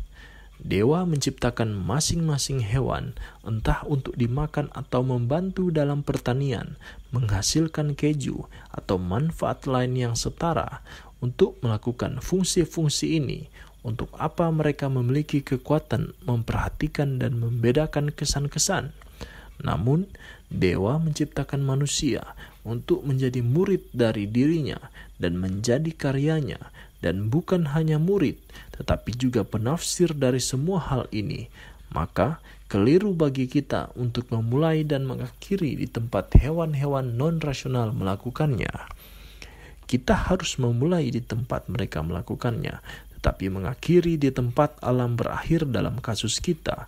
Alam berakhir dengan mempelajari dan memperhatikan hal-hal dan cara hidup yang selaras dengan alam itu sendiri. Maka, pastikan itu agar kau tidak mati sebelum mempelajari hal-hal ini. 8. Kebebasan dan kodrat manusia semua makhluk lain dibiarkan tidak memiliki daya untuk memperhatikan pemerintahan ilahiyah atas dunia, tetapi hewan rasional punya sumber daya untuk menalar semua ini dan untuk menyimpulkan bahwa mereka sendiri juga bagian dari dunia, bagian dari jenis tertentu, dan juga tidak apa-apa jika bagian-bagian itu mengambil bagian pada keseluruhan. Selanjutnya, karena sudah sifat mereka untuk menjadi mulia, berbudi luhur, dan bebas, mereka melihat bahwa mereka ditempatkan di sebuah dunia tempat beberapa hal tidak terkendala dan tergantung pada mereka, sementara hal-hal lain bisa terkendala dan tergantung pada yang lain. Hal-hal jenis pertama menjadi milik lingkaran kehendak, sementara hal-hal yang berada di luarnya bisa terkendala. Maka, jika hewan rasional membatasi kebaikan dan perhatian mereka sendiri pada jenis yang pertama saja, hal-hal yang tak terkendala dan tergantung pada mereka sendiri, mereka akan bebas, puas, bahagia, aman, berbudi luhur, hormat, bersyukur kepada dewa untuk segala hal, tak pernah menyalahkan apa pun yang terjadi atau menyalahkan siapa pun. Jika sebaliknya, mereka menghubungkan kebaikan dan perhatian mereka pada hal-hal yang lahiriah dan di luar lingkaran kehendak. Mereka pasti akan terkendala dan frustasi, tunduk kepada mereka yang punya kekuasaan atas hal-hal yang mereka kagumi dan takuti mereka juga pasti akan benar-benar tidak hormat karena mengira dewa menaruh dendam pada mereka dan tidak adil karena mereka selalu meraih lebih banyak untuk diri mereka sendiri dan mereka pasti tidak punya harga diri serta kemurahan hati. Jika kau memahami kebenaran-kebenaran ini, apa yang bisa menghentikanmu dari hidup dengan cara bebas dan mudah, dengan tenang menerima segala yang bisa terjadi dan bisa mengerti apa yang telah terjadi? Kau ingin aku miskin? Silahkan, maka kau akan belajar apakah kemiskinan itu ketika seorang aktor yang baik memerankan peran itu. Kau ingin aku memiliki jabatan? Silahkan, Kau ingin aku meninggalkan jabatan? Silahkan saja. Kau ingin aku menahan rasa sakit? Silahkan saja juga. Dan pengasingan, ke mana pun aku pergi, aku akan baik-baik saja. Karena aku sudah baik-baik saja di sini, bukan karena tempatnya, tetapi sebagai akibat dari prinsip-prinsipku, dan aku akan membawa prinsip-prinsip itu bersamaku. Tak seorang pun bisa merampas prinsip-prinsip itu dariku. Mereka adalah harta milikku satu-satunya yang tak bisa dipindahkan dan cukup bagiku di mana pun aku berada dan apa pun yang kulakukan. Tetapi, kini tiba saatnya bagimu untuk mati. Mengapa kau mengatakan untuk mati? Jangan menjadikan itu sebagai urusan yang tragis. Katakan sebagaimana adanya. Kini tiba saatnya bagi materi yang menyusun tubuhmu untuk kembali ke sumber asal pertamanya apa yang mengerikan soal itu? Ada apa dengan dunia yang hendak kehilangan isinya? Apa hal ganjil dan tak pernah terdengar yang akan terjadi? Terhadap inikah tiran membuat kita takut? Inikah sebabnya pedang penjaga tampak panjang dan tajam? Biarlah orang lain mengkhawatirkan itu. Setelah mempelajari semua itu, aku mendapati bahwa tak seorang pun punya kekuasaan atas diriku. Aku telah dibebaskan oleh Tuhan. Aku telah mengetahui perintah-perintahnya.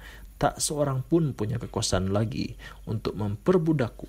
Aku punya jenis pembebas yang benar dan jenis hakim yang benar. 9. Kebebasan dan martabat. Pelajari kekuatan-kekuatan yang kau miliki, lalu katakan, Silahkan, Oseus, keadaan apa pun yang kau sukai, karena aku punya peralatan dan sumber dayanya yang dianugerahkan kepadaku oleh dirimu sendiri untuk membedakan diriku melalui hal-hal yang akan berlalu. Tidak, kau duduk gemetar karena takut terhadap apa yang mungkin terjadi, menangis, meratap, dan merintih atas yang sedang terjadi. Lalu kau menyalahkan dewa-dewa karena kelemahan yang kau tunjukkan hanya berarti ketidaksopanan. Namun, dewa bukan hanya memberi memberikan kita kekuatan ini sebagai sarana untuk menanggungkan segala yang terjadi tanpa merasa terhina dan hancur karenanya. Dia juga, seperti raja yang baik dan ayah sejati, memberikan kekuatan ini tanpa kendala atau kekangan atau hambatan. Dia telah menjadikan kekuatan itu benar-benar tergantung pada kita bahkan tanpa mencadangkan untuk dirinya sendiri kekuatan apa pun untuk menghalangi atau menghambat, karena kau memiliki kekuatan ini secara bebas dan sepenuhnya milikmu. Mengapa kau tidak menggunakannya? dan menyadari hadiah-hadiah apa yang telah kau terima dan dari penderma mana kau menerimanya, alih-alih duduk diliputi duka dan merintih.